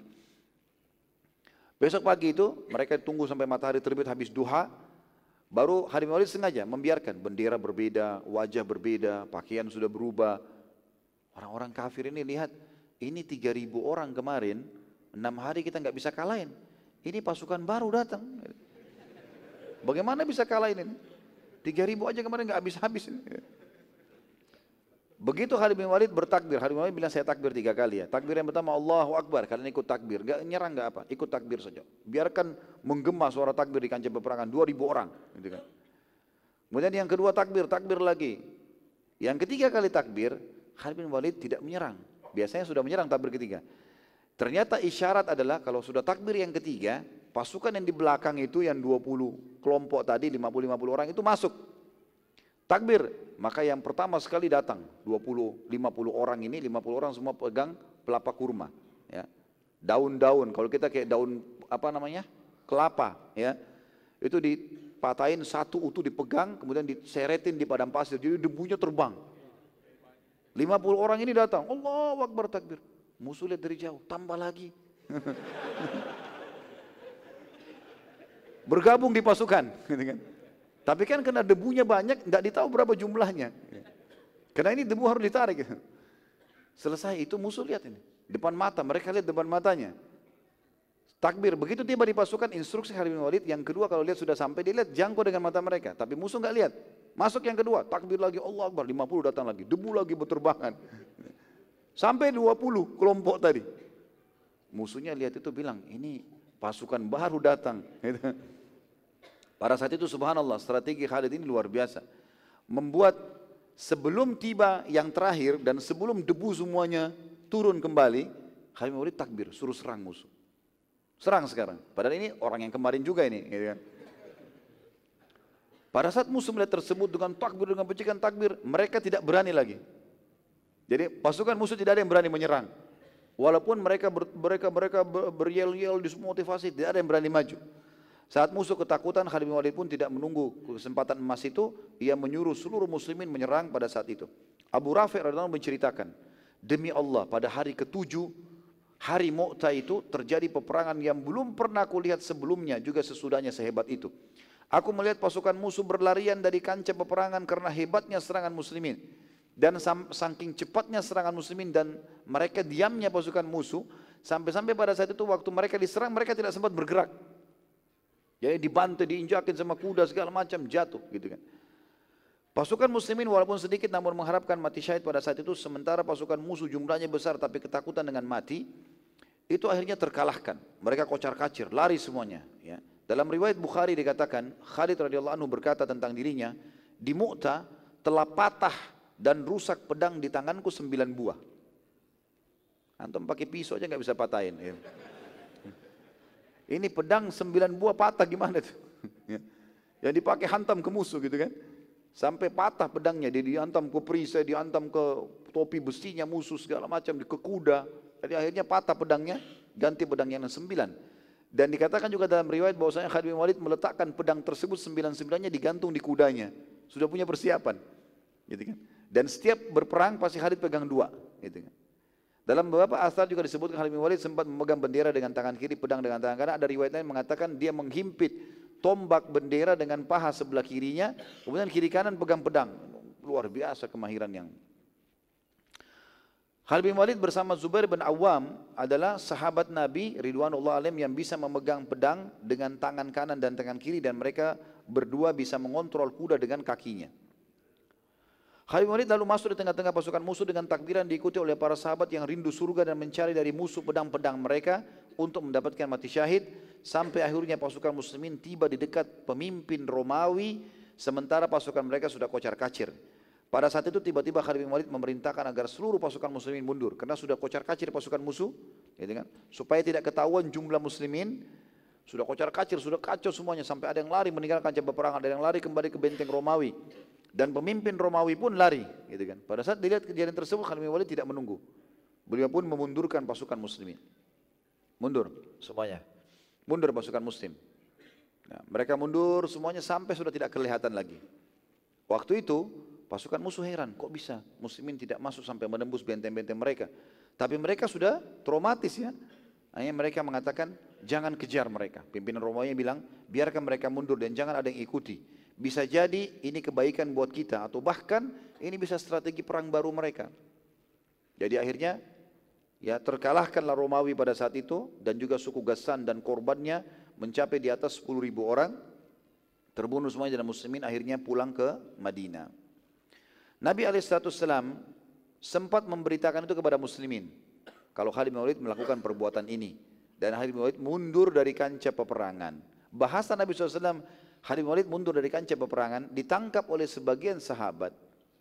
Kalau pasukan muslimin lari dari kancah peperangan. Maka pada saat itu teman-teman sekalian pasukan muslimin mundur ke Madinah dan kena berita ini tersebar di Madinah kalau muslimin lari dari kancah peperangan dan bukan masalah menangnya gitu kan maka seluruh wanita dan anak kecil keluar. Waktu itu semua wanita Madinah ya, dan semua anak-anak kecil diajak oleh ibu-ibunya mereka bawa batu menunggu di pintu gerbang Madinah. Tahu kira-kira dari Mu'ta perjalanan ke Madinah sekian hari? Tunggu.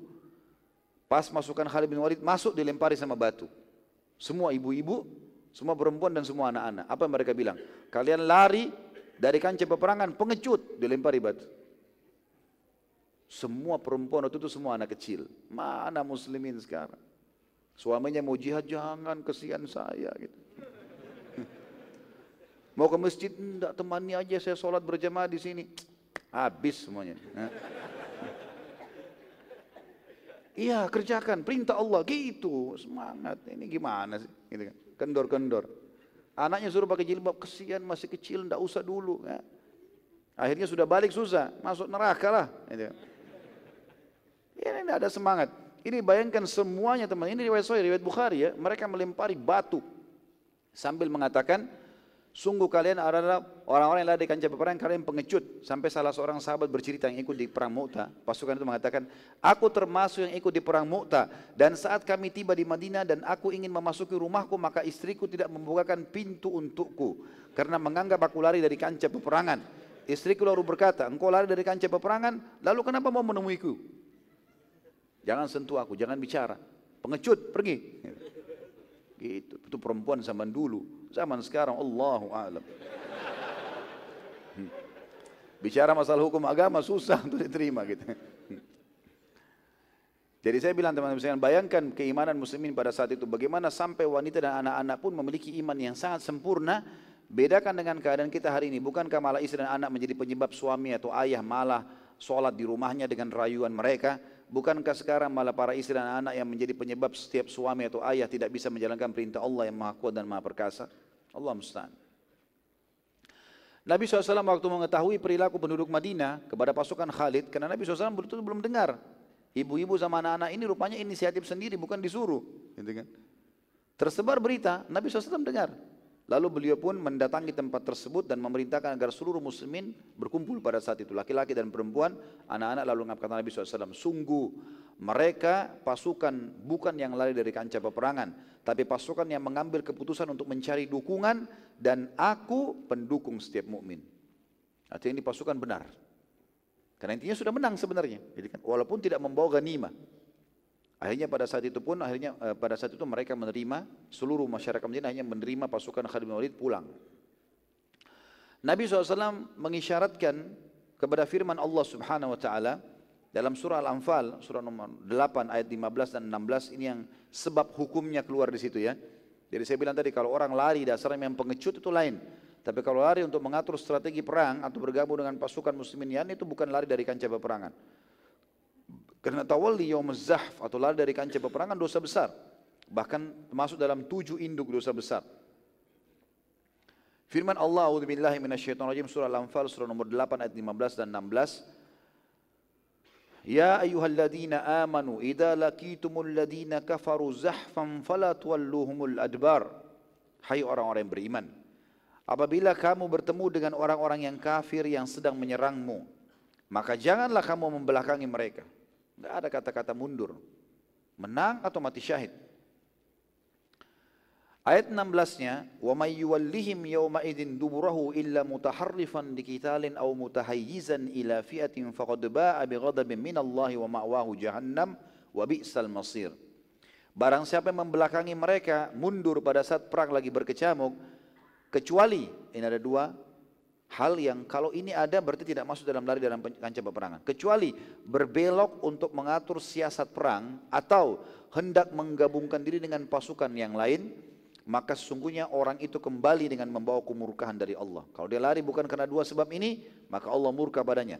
Dan tempatnya neraka jahanam dan amat buruklah tempat kembalinya. Teman-teman sekalian, dalam syariat juga agama Allah SWT ada hal yang perlu kita garis bawahi ya. Waktu terjadi perang Khaybar, kalau masih ingat kita pernah jelaskan itu hari, waktu sahabat tiba di dekat benteng Yahudi, mereka bertakbir dengan suara keras, Allahu Akbar, Allahu Akbar, semangat sekali. Nah biasanya kalau terlalu keras juga ini mengambil energi. Maka kata Nabi SAW, jangan kalian keraskan suara kalian. Bertakbir iya, tapi jangan sampai berlebihan.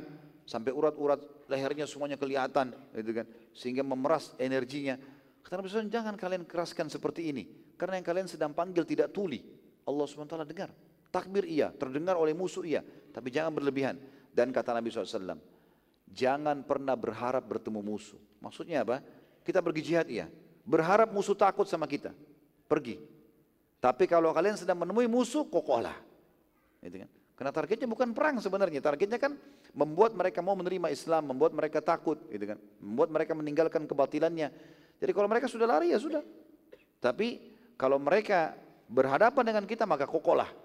Tidak ada kata tidak ada kata lain kecuali mati syahid atau membawa kemenangan.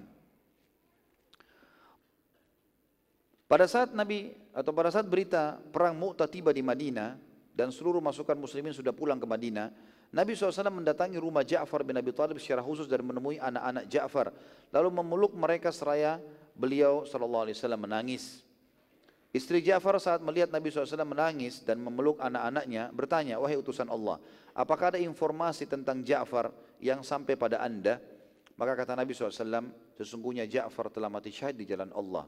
Maka istri Ja'far pun tiba-tiba nangis ya, pada saat itu. Maka Nabi SAW bersabda kepadanya, menangislah, apa-apa menangis tapi jangan meratap. Ya, kalau orang sedih aja kehilangan, menetes air mata mungkin. Tapi jangan meratap, jangan pukul-pukul badan, jangan tarik-tarik rambut, rambut, jangan ucapkan kata-kata yang tidak baik. Niyahan namanya dalam bahasa agama kita dalam hadis itu tidak boleh.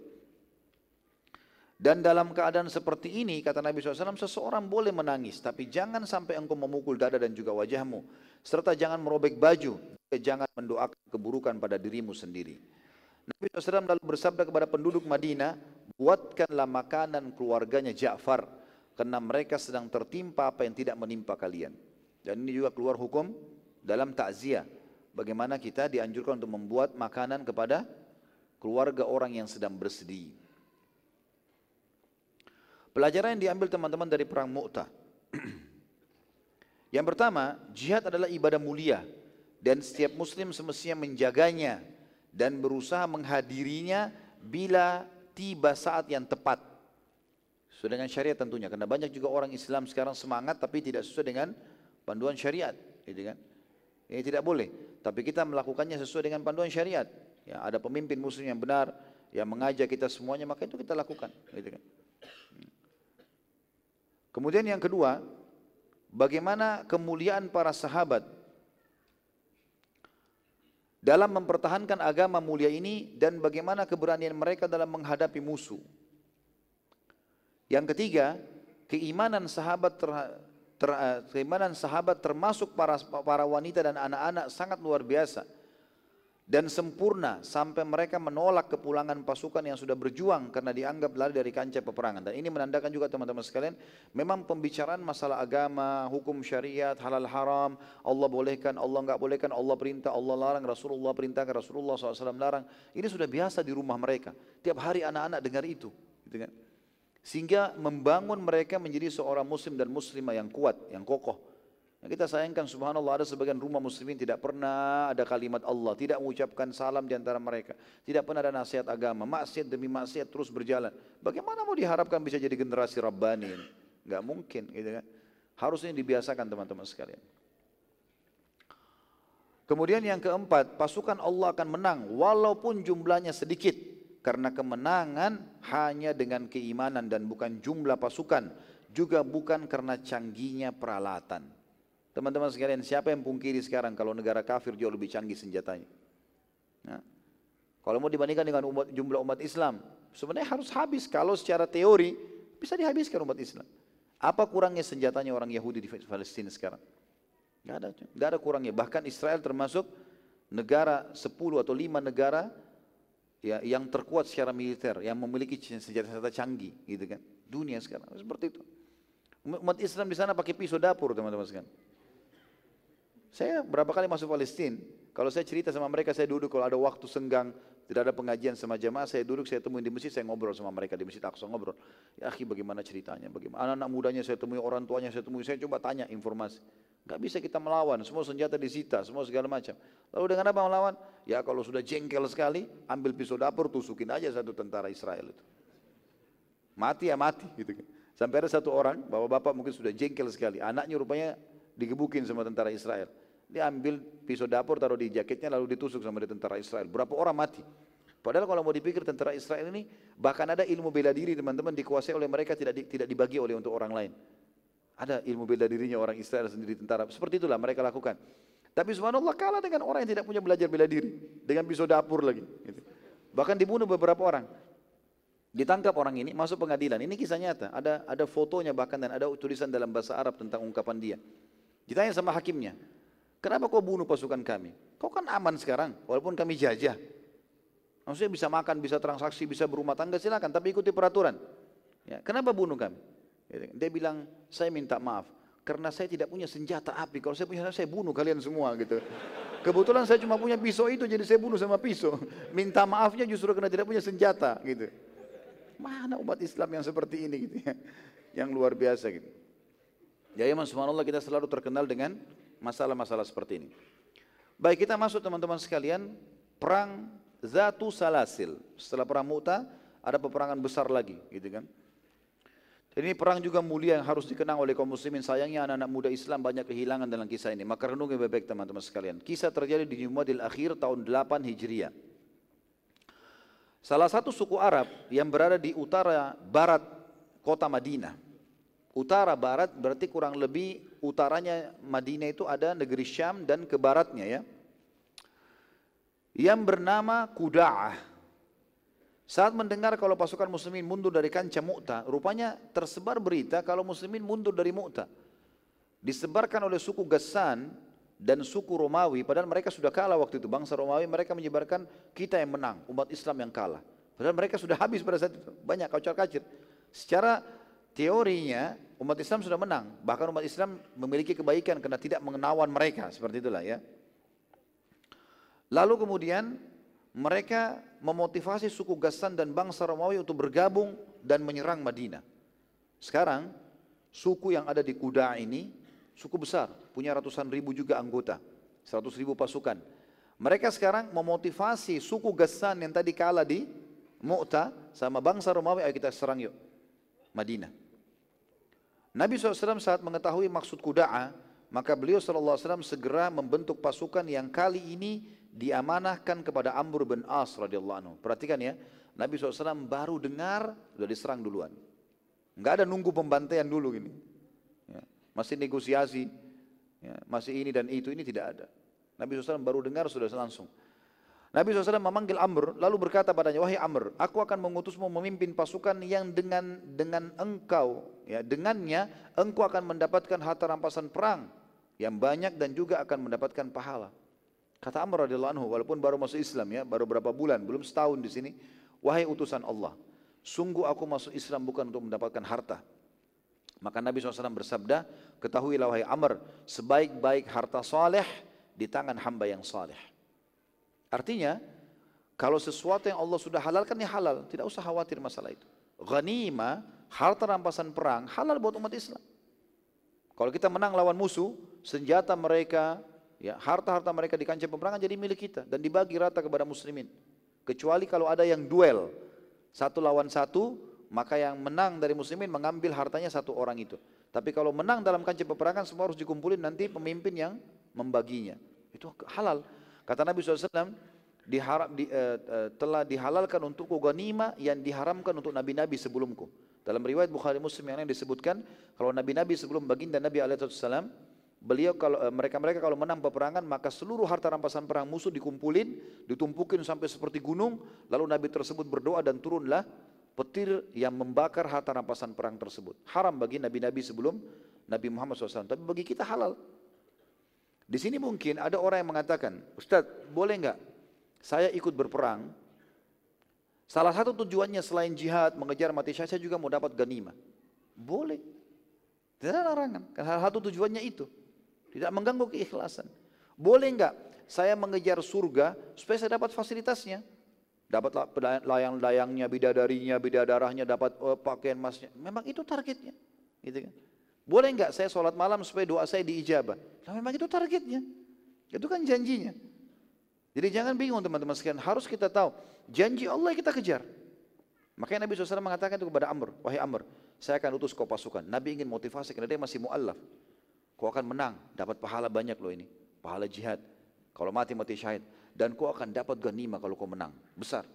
Amr sudah faham masalah surga, pahala jihad, maka dia mengatakan, ya Rasulullah, saya siap perang tapi tidak butuh ganima. Kata Nabi SAW, hai Amr, Ketahuilah, sebaik-baik harta soleh, harta halal maksudnya. Kalau kau menang dapat ghanimah harta halal itu. Di tangan anak yang hamba yang soleh. Artinya kalau kau punya ini dan kau bisa alokasikan pembangunan masjid, apalah kegiatan sosial, maka baik buat kamu. Kenapa enggak gitu? Pelajaran penting saudaraku, masalah kepemimpinan, terutama peperangan yang dijadikan tolok ukur adalah keterampilan dan pengalaman. Khalid bin Walid saat mengambil alih pasukan muslimin di Mu'tah, baru menganut Islam 4 bulan saja. Demikian pula di perang Zatu Salasil, Amr bin As baru masuk Islam lima bulan saja. Nabi SAW sudah mengangkatnya menjadi pemimpin perang. Jadi di sini teman-teman harus kita berikan pada ahlinya. Walaupun orang itu mu'allaf, tapi kalau memang dia mahir di bidangnya ya sudah kasih. Tidak ada katakan ini orang senior, maka biarin saja biar dia tidak mahir, nggak apa-apa. Enggak. Harus keterampilan.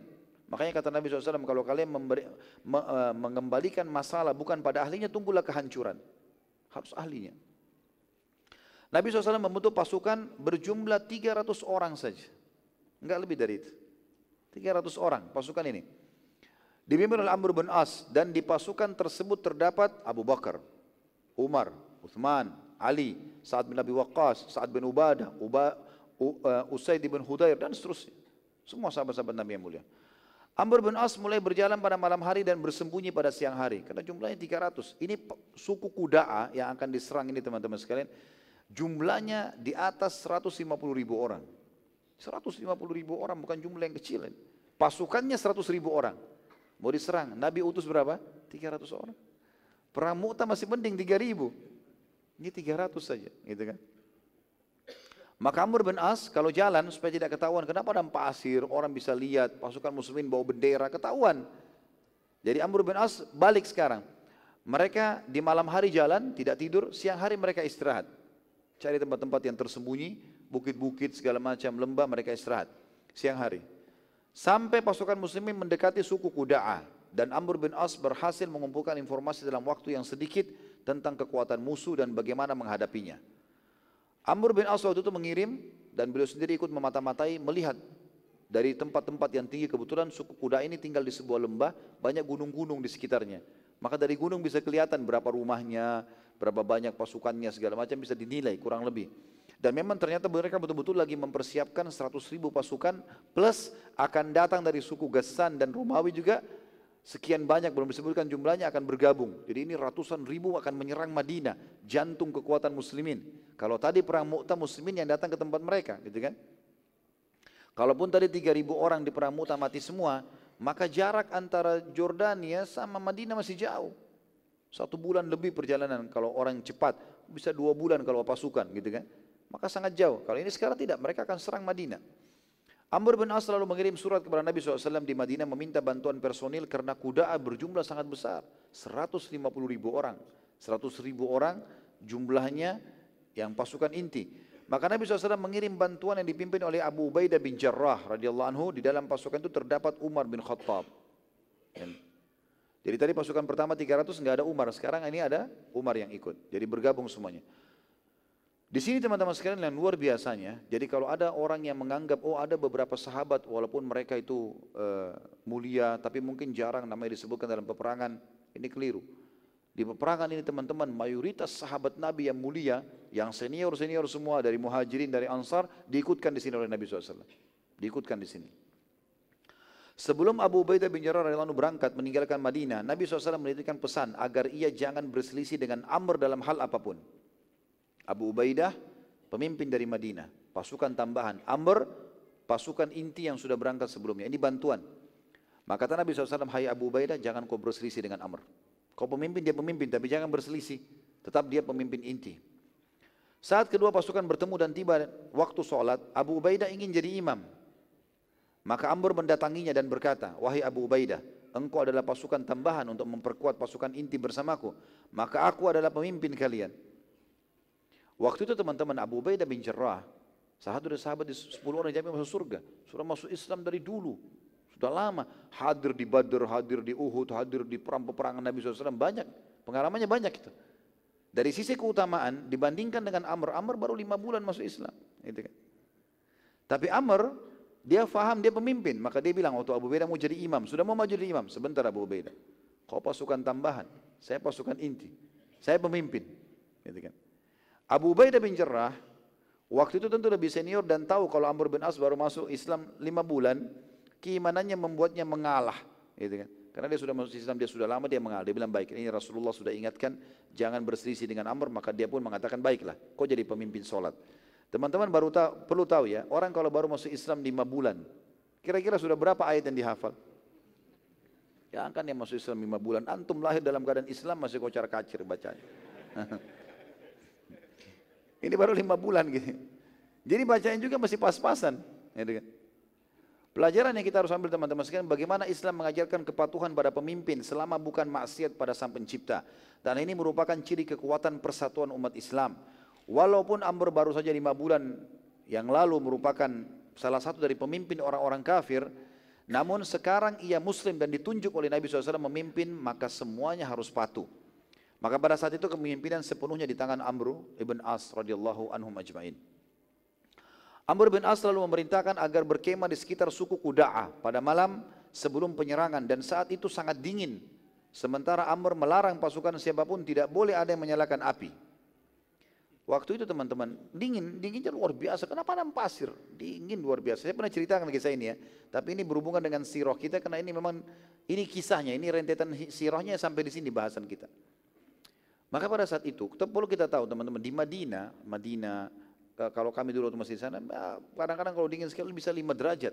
Ya, dingin sekali. Bahkan saya pernah dapat di Madinah, turun hujan itu es batu. Sampai kaca-kaca mobil pecah. Kalau musim dingin, dingin sekali. Cuma Madinah masih banyak bangunan. Kalau kita keluar sedikit dari Madinah, mulai masuk padang pasir 5-10 kilo dari Madinah, itu sudah luar biasa dingin. Karena padang pasir rata, anginnya merata. Dingin sekali, bisa dibawa mungkin 0 derajat gitu kan. Waktu itu kebiasaan orang kalau lagi perjalanan mereka harus bakar api, nggak bisa ndak. Supaya hangat, mereka dekatkan diri. Dari semua kemah, setiap kemah boleh bakar api unggun di depannya. Satu kemah berisi 4-5 orang maksimal. Mereka membakar itu mereka duduk sambil hangatin badan. Kadang-kadang juga di sekitar kemah dipasang 5-6 api mengelilinginya supaya hangat dari seluruh penjurunya. Seperti itulah. Jadi kadang-kadang cuma 5-6 kemah tapi sudah seperti satu perkampungan terang dari jauh. Karena di padang pasir gitu kan. Maka pada saat itu Amr mengatakan, instruksi saya malam ini kita tidur dingin, tidak boleh ada api. Umar bin Khattab datang. Ya. Umar bilang, Hai Amr, sungguh pasukan kedinginan. Maka biarkan mereka menyalakan api. Gitu ya. Untuk menghangatkan tubuh mereka. Apalagi besok engkau akan suruh mereka untuk menyerang musuh. Gitu kan. Maka kata Amr dengan tegas, tidak boleh ada api. Satu pun tidak boleh ada api menyala. Ini instruksi, harus patuh. Umar waktu itu tahu ini Amr bin As, anak baru kemarin lahir ini gitu. Baru lima bulan masuk Islam. Dan Amr bin As dan Umar tahu Umar bin As ini dulu musuh Islam. Dulu dia dutanya ya, Quraisy untuk menjemput muslimin yang hijrah ke Habasyah. Itu. Sampai hanya dapat hidayah di sana tentunya. Jadi Umar marah, tapi Umar mau marah sama dia, serba salah. Datangi Abu Bakar, sahabat yang paling bijak adalah Abu Bakar. Wahai Abu Bakar, bagaimana pendapatmu? Saya masa Amr larang kita bakar api. Kata Abu Bakar, hai Umar, ini adalah utusan Rasulullah SAW. Ini pilihannya. Jangan kau bantah. Pasti dia benar. Ikuti saja. Kedinginan-kedinginan, tidak apa-apa. Iya. Maka Umar pun diam. Abu Bakar sudah nasihati, ya sudah. Ya, diam. Pada malam itu sahabat kedinginan. Sampai dalam beberapa asar disebutkan banyak di antara mereka tidak bisa tidur. Karena dinginnya. Walaupun ada kemah gitu kan. So habis sholat subuh, waktu mau sholat subuh, dikumandangkanlah azan. Kemudian para sahabat mulai kumpul. Amr bin As ditunggu. Karena mau jadi imam. Dia pemimpin, dia harus jadi imam. Lalu dia bilang sama orang-orang yang di sekitarnya ada dua tiga sahabat yang khusus untuk melayani pemimpin perang. Dia bilang bawain untuk saya air, saya mau mandi junub.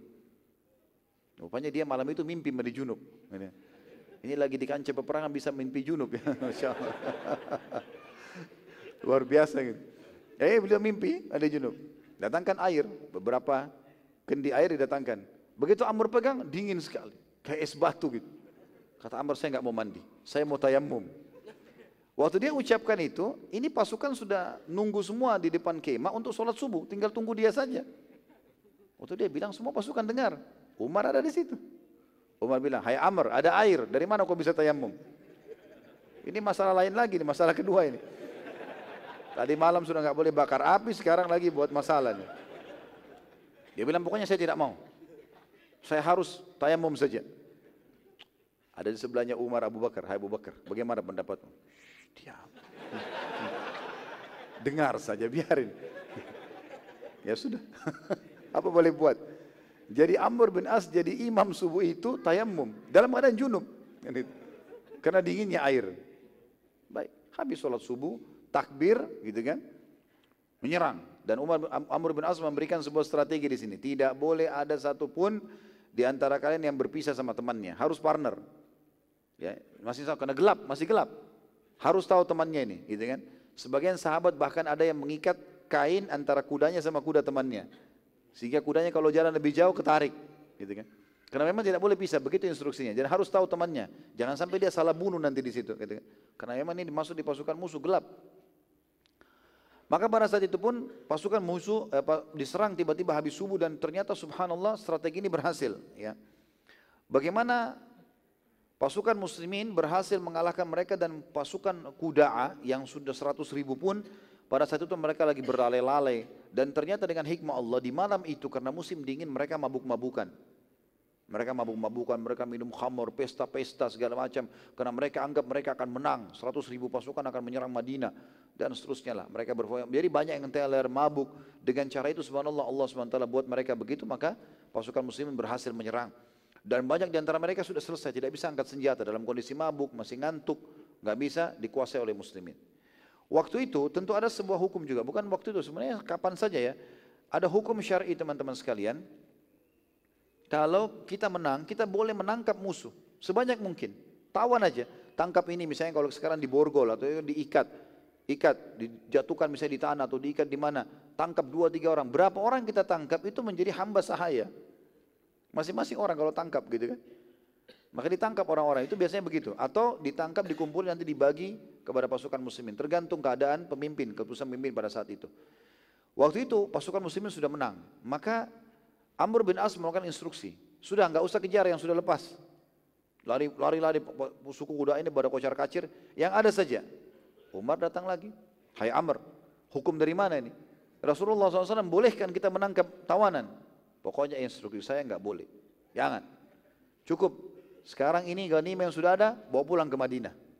Udah, pulang ke Madinah. Ini dalam kondisi betul-betul Abu Umar ini sangat jengkel. Umar sempat waktu itu datang lagi ke Abu Bakar yang ketiga kali. Abu Bakar gimana? Sama. Jangan bantah. Sudah pulang ke Madinah. Pulang ke Madinah. Kepemimpinan perang itu berlaku semenjak keluar dari kota itu, kota keluar Madinah. Karena kalau sampai Madinah sudah memimpinnya Rasulullah SAW. Sekarang keluar. Begitu masuk pintu gerbang Madinah, Umar sudah tahu ini sudah lepas pimpinnya, tidak ada lagi Amr nih. Sudah selesai ceritanya. Dulu waktu di situ, Umar lebih dulu ke masjid. Begitu tiba di masjid, sudah pelukan sama Nabi SAW, salaman ya Rasulullah. Ada kejadian nih.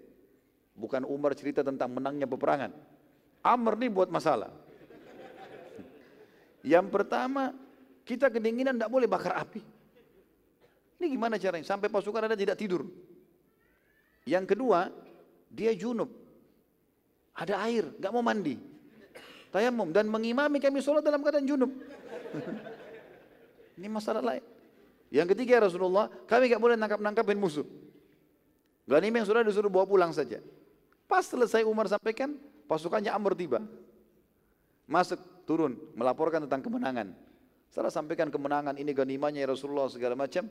Umar lagi nunggu nih, Nabi bagaimana menghakimi Amr. Lalu Nabi SAW bilang, duduklah ya pasukan, duduk semua. Amr suruh duduk, Umar di sebelahnya. Kata Rasulullah, hai Amr, sudah sampai keluhan saya, keluhan kalian, keluhan kalian dari Umar. Apa jawabanmu sekarang? Kenapa kamu larang pasukan untuk bakar api malam-malam? Kenapa kamu tidak mandi pakai air sementara ada air dan kamu junub? Dan kenapa kamu larang mereka menangkap tawanan-tawanan perang?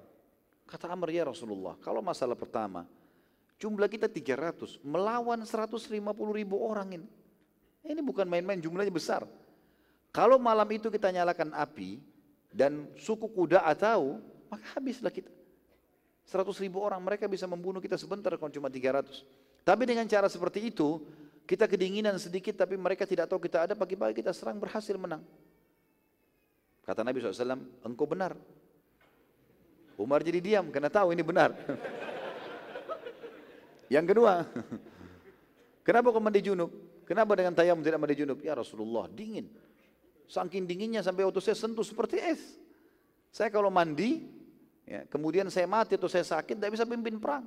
Sementara saya harus nyerang subuh. Dan anda tidak menunjuk orang pengganti saya kalau saya mati. Kan biasanya Nabi tunjuk, ya tadi pramuta kan, kamu kalau mati diganti fulan. Ini enggak ada. Berarti dia pemimpin tunggal di sini. Gitu kan. Maka kata Nabi, kata dia, ya Rasulullah saya daripada sakit, saya tayamum. Walaupun ada air. Kata Nabi SAW, kau benar. Umar diam lagi. Ini yang kedua kali. Lalu yang ketiga, Kenapa kau tahan tawanan? Ya Rasulullah, 300 orang, lawan 100 ribu orang lebih. Alhamdulillah target kita sudah tercapai, sudah menang. Sudah ada ghanimah dibawa pulang, selesai. Suku kuda tidak tahu jumlah kita. Kalau dia tahu, mereka tahu jumlah kita. Kalau pada saat kita kocar kacir, ngejar-ngejar orang, mereka bisa bentuk pasukan baru, melawan kita. Sekarang Alhamdulillah sudah menang. Kata Nabi SAW, engkau benar. Yang ketiga kali. Maka Umar pun akhirnya menerima hukum tersebut. Jadi teman-teman sekalian, hukum syar'i subhanallah. Allah SWT mudahkan buat kita. Ya. Kalau ada betul-betul orang dalam kondisi begini, betul-betul memang dingin sekali. Bukan seperti sekarang tentunya. Sekarang bisa pakai air panas atau dalam kota berbeda hanya hujan sedikit. Jangan jadikan ini sebagai hujah ya. Bukan, tapi ini kondisinya seperti tadi di peperangan, dingin sekali. Dia pemimpin perang, keadaannya seperti itu. Ya, itu baru kemudian ada rukhsah dalam agama kita. Perlu digarisbawahi juga teman-teman sekalian, bahwasanya selama hidupnya Nabi Alaihissalam hukum di tangan beliau dan perilaku sahabat yang dihakimi oleh Nabi SAW menjadi hukum. Ini perlu digarisbawahi. Karena banyak orang juga mengatakan ada banyak perbuatan yang para sahabat lakukan yang Nabi tidak contohkan. Padahal sebenarnya waktu itu hukum lagi turun, hukum lagi dalam proses penyempurnaan, gitu kan? Dan Nabi SAW masih ada. Kalau kita tarik kejadian ini kepada kita ke sekarang, sementara Islam sudah sempurna, kita seperti menambah-nambah agama. Kalau di zaman Nabi SAW berbeda, wahyu lagi turun, kan gitu. Karena banyak orang sekarang jadikan argumen di Indonesia itu. Sahabat juga banyak kerjaan perbuatan yang Nabi tidak perintahkan, padahal Nabi masih hidup waktu itu. Nabi SAW meluruskan kesalahan mereka, mendukung mereka, makanya ada sunnah Nabi SAW yang sifatnya kauliyah, fi'liyah, dan ada takririyah. Perkataan, perbuatan, dan juga persetujuan Nabi SAW. Ini persetujuan Nabi SAW pada saat Nabi masih hidup. Kalau kita sekarang bagaimana Nabi SAW persetujukan kita sementara beliau sudah meninggal SAW dan agama Islam sudah sempurna. Maka ini perlu digarisbawahi dan teguran Nabi SAW kepada sahabat meluruskan atau mendukung atau mendiamkan adalah hukum. Hal ini tidak berlaku pada keadaan kita sekarang karena Nabi SAW telah wafat dan agama juga Al-Quran sudah sempurna. Maka bila seseorang memposisikan diri seakan-akan Nabi SAW bisa menentukan semaunya sendiri maka akan bertambahlah agama ini. Pada peperangan tersebut terbunuh puluhan suku Kuda'a dan tertawan puluhan orang pula, sementara tidak seorang pun dari muslimin yang mati dan jadi korban kecuali satu orang sahabat yang juga hanya terluka kecil dan sembuh beberapa hari kemudian. Inilah kiprah Amr bin As yang berhasil menjalankan misi Nabi SAW dengan kemenangan, harta rampasan perang dan tidak satupun yang jatuh jadi korban dari muslimin. Dan kiprah lainnya nanti akan terlihat pada saat pembebasan kota Mekah di zaman Umar radhiyallahu anhu. Dan tentu saja teman-teman sekalian perlu kita ketahui setelah kejadian ini maka Umar bin Khattab justru melunak dengan Amr radhiyallahu anhu majma'in. Dan ini tentu kebijakan kebijaksanaan jiwa yang luar biasa ya.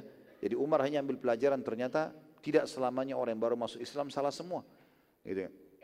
Maka beliau pun semenjak itu banyak terutama di zaman khilafahnya memberikan wewenang-wewenang kepada Amr bin As termasuk ekspansi ke Mesir tahun 20 Hijriah. Dan Amr bin As sangat dipercaya oleh Umar bin Khattab dalam strategi-strategi perang sebagaimana Khalid ibn Walid radhiyallahu anhum ajma'in. Kemudian terakhir teman-teman sekalian kita akan masuk ke poin penutupan kita adalah perang Juwainah atau dikenal juga dengan perang Khabat ya. Ini nama daun pohon ya. Ini bulan Rajab tahun 8 Hijriah. Ini yang terakhir dalam bahasan kita. Tentu tadi Zatu Salasil itu juga teman-teman sekalian, ada sebagian riwayat yang menyebutkan kalau pasukan musuh waktu itu sempat berencana atau bahkan sudah melakukan, mereka sudah membuat rantai-rantai, kemudian mereka mengikat tangan satu sama yang lain supaya tidak lari dari kancah peperangan. Sebagian ahli sejarah mengatakan ini terjadi di perang Mu'tah. Musuh-musuh tadi Romawi dan suku Gassan ada yang mengikat diri kurang lebih 50 ribu orang mereka mengikat diri satu sama lain dan di belakang mereka digali sebuah parit yang dibakar api sehingga mereka tidak ada yang bisa lari dan ternyata itu menjadi kuburan buat mereka sendiri pada saat pasukan Khalid bin Walid berhasil mengalahkan mereka ini sedikit tambahan saja. Ada yang mengatakan ini terjadi di perang Mu'tah dan terjadi di perang Zatu Salasil. Tapi lebih dekat ini terjadi di perang Mu'tah. Karena di perang Zatu Salasil tidak ada uh, tidak ada penyerangan tidak ada perlawanan dari musuh. Nabi SAW mengutus Abu Ubaidah bin Jarrah radhiyallahu anhu pada saat sudah kembali ke Madinah tadi dari perang Zatu Salasil di bulan Rajab tahun 8 Hijriah dengan jumlah 300 personil lagi dan di dan di dalam pasukan juga termasuk Umar bin Khattab radhiyallahu anhu ajma'in. Tentu Umar bin Khattab secara keutamaan juga lebih utama daripada Abu Ubaidah. Tapi di sini Nabi SAW sekali lagi meletakkan orang yang dianggap lebih layak untuk memimpin peperangan. Gitu kan. Pasukan ini sangat sederhana dan tidak memiliki bekal yang banyak sementara perjalanan jauh. Saat itu semua pasukan berjalan kaki, tidak ada satu orang pun yang pakai kuda dan e, mereka hanya memiliki dua ekor unta saja.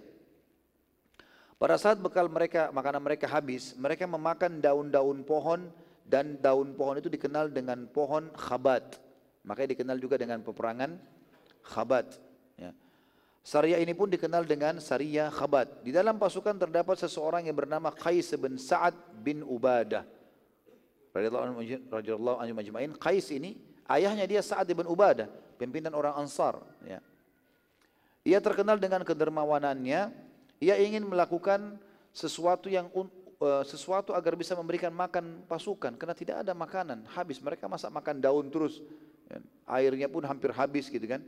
Dari kejauhan ia sempat melihat ada sebagian Arab Badui dalam perjalanan yang sedang mengembala unta dan kambing, maka ia pun mendatangi mereka. Saat tiba di sisi para pengembala, Qais berkata, apakah kalian mau menjual sebagian gembalan kalian padaku? Maka para pengembala Arab tersebut menjawab, iya.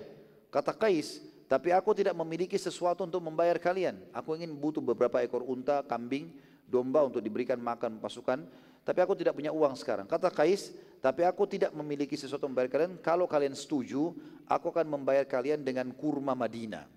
Pada saat itu tentu kurma Madinah itu terkenal kurma yang mahal dan berkualitas. Kebetulan Sa'ad ibn Ubadah, ayahnya Kais radhiyallahu anhu adalah orang yang kaya raya. Sa'ad ibn Ubadah ini kalau teman-teman masih ingat kisahnya yang dipersaudarakan dengan Abdurrahman ibn Auf. Ya pada saat awal hijrah ke Madinah yang kata Sa'ad ibn Ubadah uh, Hai uh, Abdurrahman, saya setengah kebun kurma Madinah milik saya. Gitu kan. Kita bagi dua, setengah buat kamu, setengah buat saya. Dan ada dua orang istri saya, lihat salah satunya yang mana kau cocok, saya ceraikan setelah masa indah kau boleh nikahi. Dia terkenal dengan kekayaannya radhiyallahu. Maka Qais ini dikenal, satu jazirah Arab kenal kalau kurma Madinah ya, yang paling kaya terkenal Sa'ad bin Ubadah. Ini anaknya Qais. Qais bilang, saya akan bayar kalian nanti dari kurma dari kebun ayah saya. Dari kebun ayah saya. Para pengembala bilang, apa jaminannya kalau engkau akan membayar dengan kurma Madinah? Kata Qais, aku Qais bin Sa'ad bin Ubadah. Aku anaknya Sa'ad. Dan Sa'ad dikenal. Para pengembara lalu berkata, engkau telah menggunakan nasabmu sebagai jaminan, maka ambillah. Orang-orang Arab dulu menghormati nasab. Ya. Dia sudah bawa nama ayahmu, ayahmu terkenal, kami akan tagih nanti. Kau sudah jual nasabmu sebagai jaminan, maka silakan ambil. Berapa unta kambing kamu silakan. Qais lalu mendatangkan beberapa saksi dari sahabat, di antaranya Umar bin Khattab. Dia minta, Hai Umar datanglah bersaksi. Kalau aku betul-betul anaknya saat supaya kita bisa ambil beberapa unta dan kambing untuk berikan makan pasukan. Namun Umar sempat berkata kepada para pengembala, jangan kalian menjual gembala kalian kepada Kais, karena ia pri, pri, ia pribadi yang miskin. Orang ini bukan orang kaya, ayahnya yang kaya. Sementara pemilik harta adalah ayahnya. Para pengembala karena mengenal Kais dan saat mereka menjawab mustahil orang seperti saat tidak membayar untuk anaknya. Maka terjadilah transaksi jatuh tempo pada saat itu. Ya. Jadi boleh ngambil, bayarnya nanti. Ya. Sampai setiap hari, sampai hari ketiga, Qais terus menyembeli setiap hari seekor unta. Setelah tiga hari Umar penasaran dan melaporkan pada Abu Ubaidah bin Jarrah kalau Qais tidak menggunakan hartanya membeli unta tersebut dan membeli dengan harta ayahnya, tapi belum izin dari ayahnya. Maka Abu Ubaidah pun akhirnya melarang Qais melanjutkan niatnya. Ya.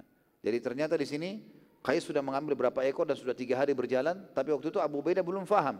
Karena ini transaksi antara Qais dengan beberapa pengembala kambing dan cuma beberapa orang yang saksikan. Umar pun melihat karena orang-orang Arab itu mau kasih, didiamkan. Tapi setelah tiga hari penasaran secara hukum, halal gak ini? Maka Abu Ubaidah pun melarang, tidak boleh lagi high case, cukup sampai hari ini. Makanan yang ada, makan daun, makan apa terserah, tidak ada masalah.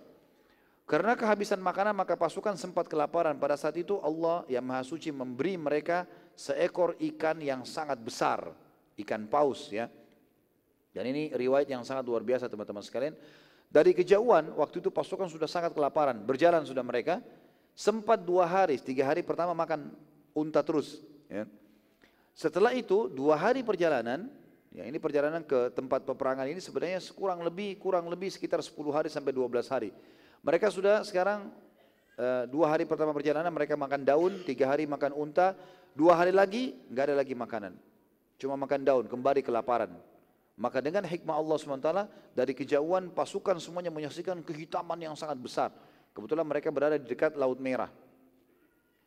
Karena besarnya sampai seakan-akan dia adalah gunung, ya, sebuah gunung yang besar.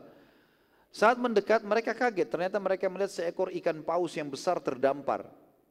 Ya. Maka para sahabat pun berkemah di sekitarnya selama sebulan. Di dekat ikan itu, saking besarnya ikan itu mereka berkemah di situ sambil makan, sambil mengatur strategi menyerang. Dan dari tempat itulah mereka membentuk pasukan untuk menyerang Juwaina dan berhasil menang. Abu Ubaidah radhiyallahu anhu ingin mengukur besarnya ikan itu, ikan paus tersebut, maka ia memerintahkan agar lima orang sahabat memasuki lubang matanya ikan itu dan mereka masih terlihat kecil. Bayangkan teman-teman ya, lubang matanya ikan itu saja, lima laki-laki masuk ke dalamnya pasukan muslimin, itu masih kelihatan kecil, masih seperti titik-titik kecil karena besarnya lingkaran matanya. Bagaimana badannya ikan itu? Saking besarnya.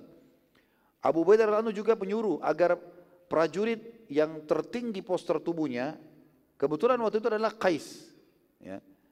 Dan Qais ini mengalahkan sedikit tingginya Umar bin Khattab. Padahal Umar bin Khattab sudah tinggi sekali. Umar bin Khattab kalau dulu di atas kuda kakinya sampai di tanah. Ya. Maka bagaimana dengan Qais? Qais lebih tinggi lagi. Ya. Maka Qais disuruh oleh saat untuk melewati turang rusuknya ikan itu, kuda untanya disuruh berdiri, dia dia untanya berdiri lalu dia berdiri di atas untanya. Sambil berusaha untuk menjamah tulang rusuk tersebut ternyata juga belum bisa memegangnya. Unta saja sudah 2 meteran tingginya. Tambah ini juga 2 meter sekian berarti sudah 4 meter. Belum bisa menjangkau tulang rusuknya ikan itu. Saking besarnya. Pada saat itu pun mereka berhasil mengalahkan ya, suku tadi yang ingin diserang Juwaina dan mereka makan selama sebulan ikan itu belum habis. Saking banyaknya gitu kan. Dan ini jumlah orang 300 orang, banyak sekali. Pada saat mereka pulang ke Madinah, mereka sempat membawa beberapa potong daging ikan tersebut. Mereka mengantonginya, membawanya, biasanya daging supaya tidak rusak kan dijemur ya. Maka mereka memotongnya lalu menjemur. Apalagi memang ikan ini dasarnya terjemur dengan matahari. Maka tidak rusak seperti itulah. Makanya Nabi SAW mengatakan tentang air laut dan sungai serta hewan bangkainya pun halal. Ya. Waktu ditanya Nabi SAW tentang lautan dan sungai beliau mengatakan suci airnya dan halal bangkainya. Karena memang ya mereka kena air apalagi kalau ada air asin ya Kemudian keluar juga tergantung kena mata eh, ter, ter, tergeletak di tanah, kemudian kena matahari, jadi seperti sudah dijemur, maka tidak rusak. Ini terbukti teman-teman sekalian. Sebulan penuh mereka duduk situ untuk mengatur strategi perang Juwaina dan berhasil menang. Kemudian mereka juga pulang ke Madinah perjalanan jauh, 12-15 hari. Daging itu tidak rusak. Pada saat tiba di Madinah, mereka melaporkan hal tersebut kepada baginda Nabi SAW. Maka Nabi SAW pun tersenyum sambil mengatakan, apakah ada bagian dari daging itu yang kalian bawa? Maka mereka mengatakan, iya ya Rasulullah. Kata Nabi SAW, kalau begitu berilah kepada kami. Lalu Nabi SAW ikut memakannya. Dan ini menandakan juga berarti itu adalah salah satu karunia yang Allah SWT berikan kepada kaum muslimin. Juga sebagai penutup teman-teman sekalian, dari sini keluar sebuah hukum, karena waktu pulang ke Madinah sempat juga ditanyakan kepada Nabi SAW tentang perilaku Kais. Karena mereka sudah terlanjur makan. Maka Nabi SAW membolehkan kalau seandainya memang sudah ada akad jelas, gitu kan. Artinya akad jelas di sini adalah memang ada saksi dan akan dibayar gitu kan dan sudah pasti ada harta bukan tidak ada. Terlebih lagi memang si anak sama ayah punya hubungan ayah sama anak atau ayah atau uh, baik itu anak ke ayah atau ayah kepada anaknya. Dan ini juga bukan perbuatan kemaksiatan, ada batasan. Kalau dia misalnya anak mengambil harta ayahnya, misal dia ambil bir, minuman keras, kemudian dia katakan nanti ayah saya bayar atau dia melakukan hal-hal yang salah, itu kan ini tidak boleh. Di sini keadaannya Kais berbeda. Dia bukan untuk kepentingan pribadinya, tapi untuk pasukan muslimin. Kalau nggak dikasih makan mereka kelaparan, maka beda hukum syar'inya ya. Sekali lagi kalau hanya untuk kepentingan pribadi, anak tersebut hanya sekedar mau dapat supaya dia ambil handphone segala di satu tempat nanti ayah saya yang bayar, nah, dianggap ayahnya pejabat, ini nggak boleh semua dalam syari. Harus akadnya jelas. Kecuali sudah ditelepon ayahnya, ayahnya mengatakan iya nggak masalah, ada akad dari pemilik uang boleh. Tapi kali ini dibolehkan karena keadaannya seperti tadi. Mirip dengan kasus Amr bin As waktu mandi junub di musim dingin karena dia pemimpin perang dan juga ya ini dari dari kancah peperangan dan memang keadaannya tidak mendukung pada saat itu. Maka beda hukumnya tidak bisa ditarik kalau kita sedang berada di satu kota. Allahu alam. Ini teman-teman sekalian yang kita bisa pelajari pada kesempatan ini insyaallah. Baik mohon maaf teman-teman sampai sini subhanakallahumma bihamdika asyhadu an la ilaha illa anta astaghfiruka wa atubu ilaik. Wassalamualaikum warahmatullahi wabarakatuh.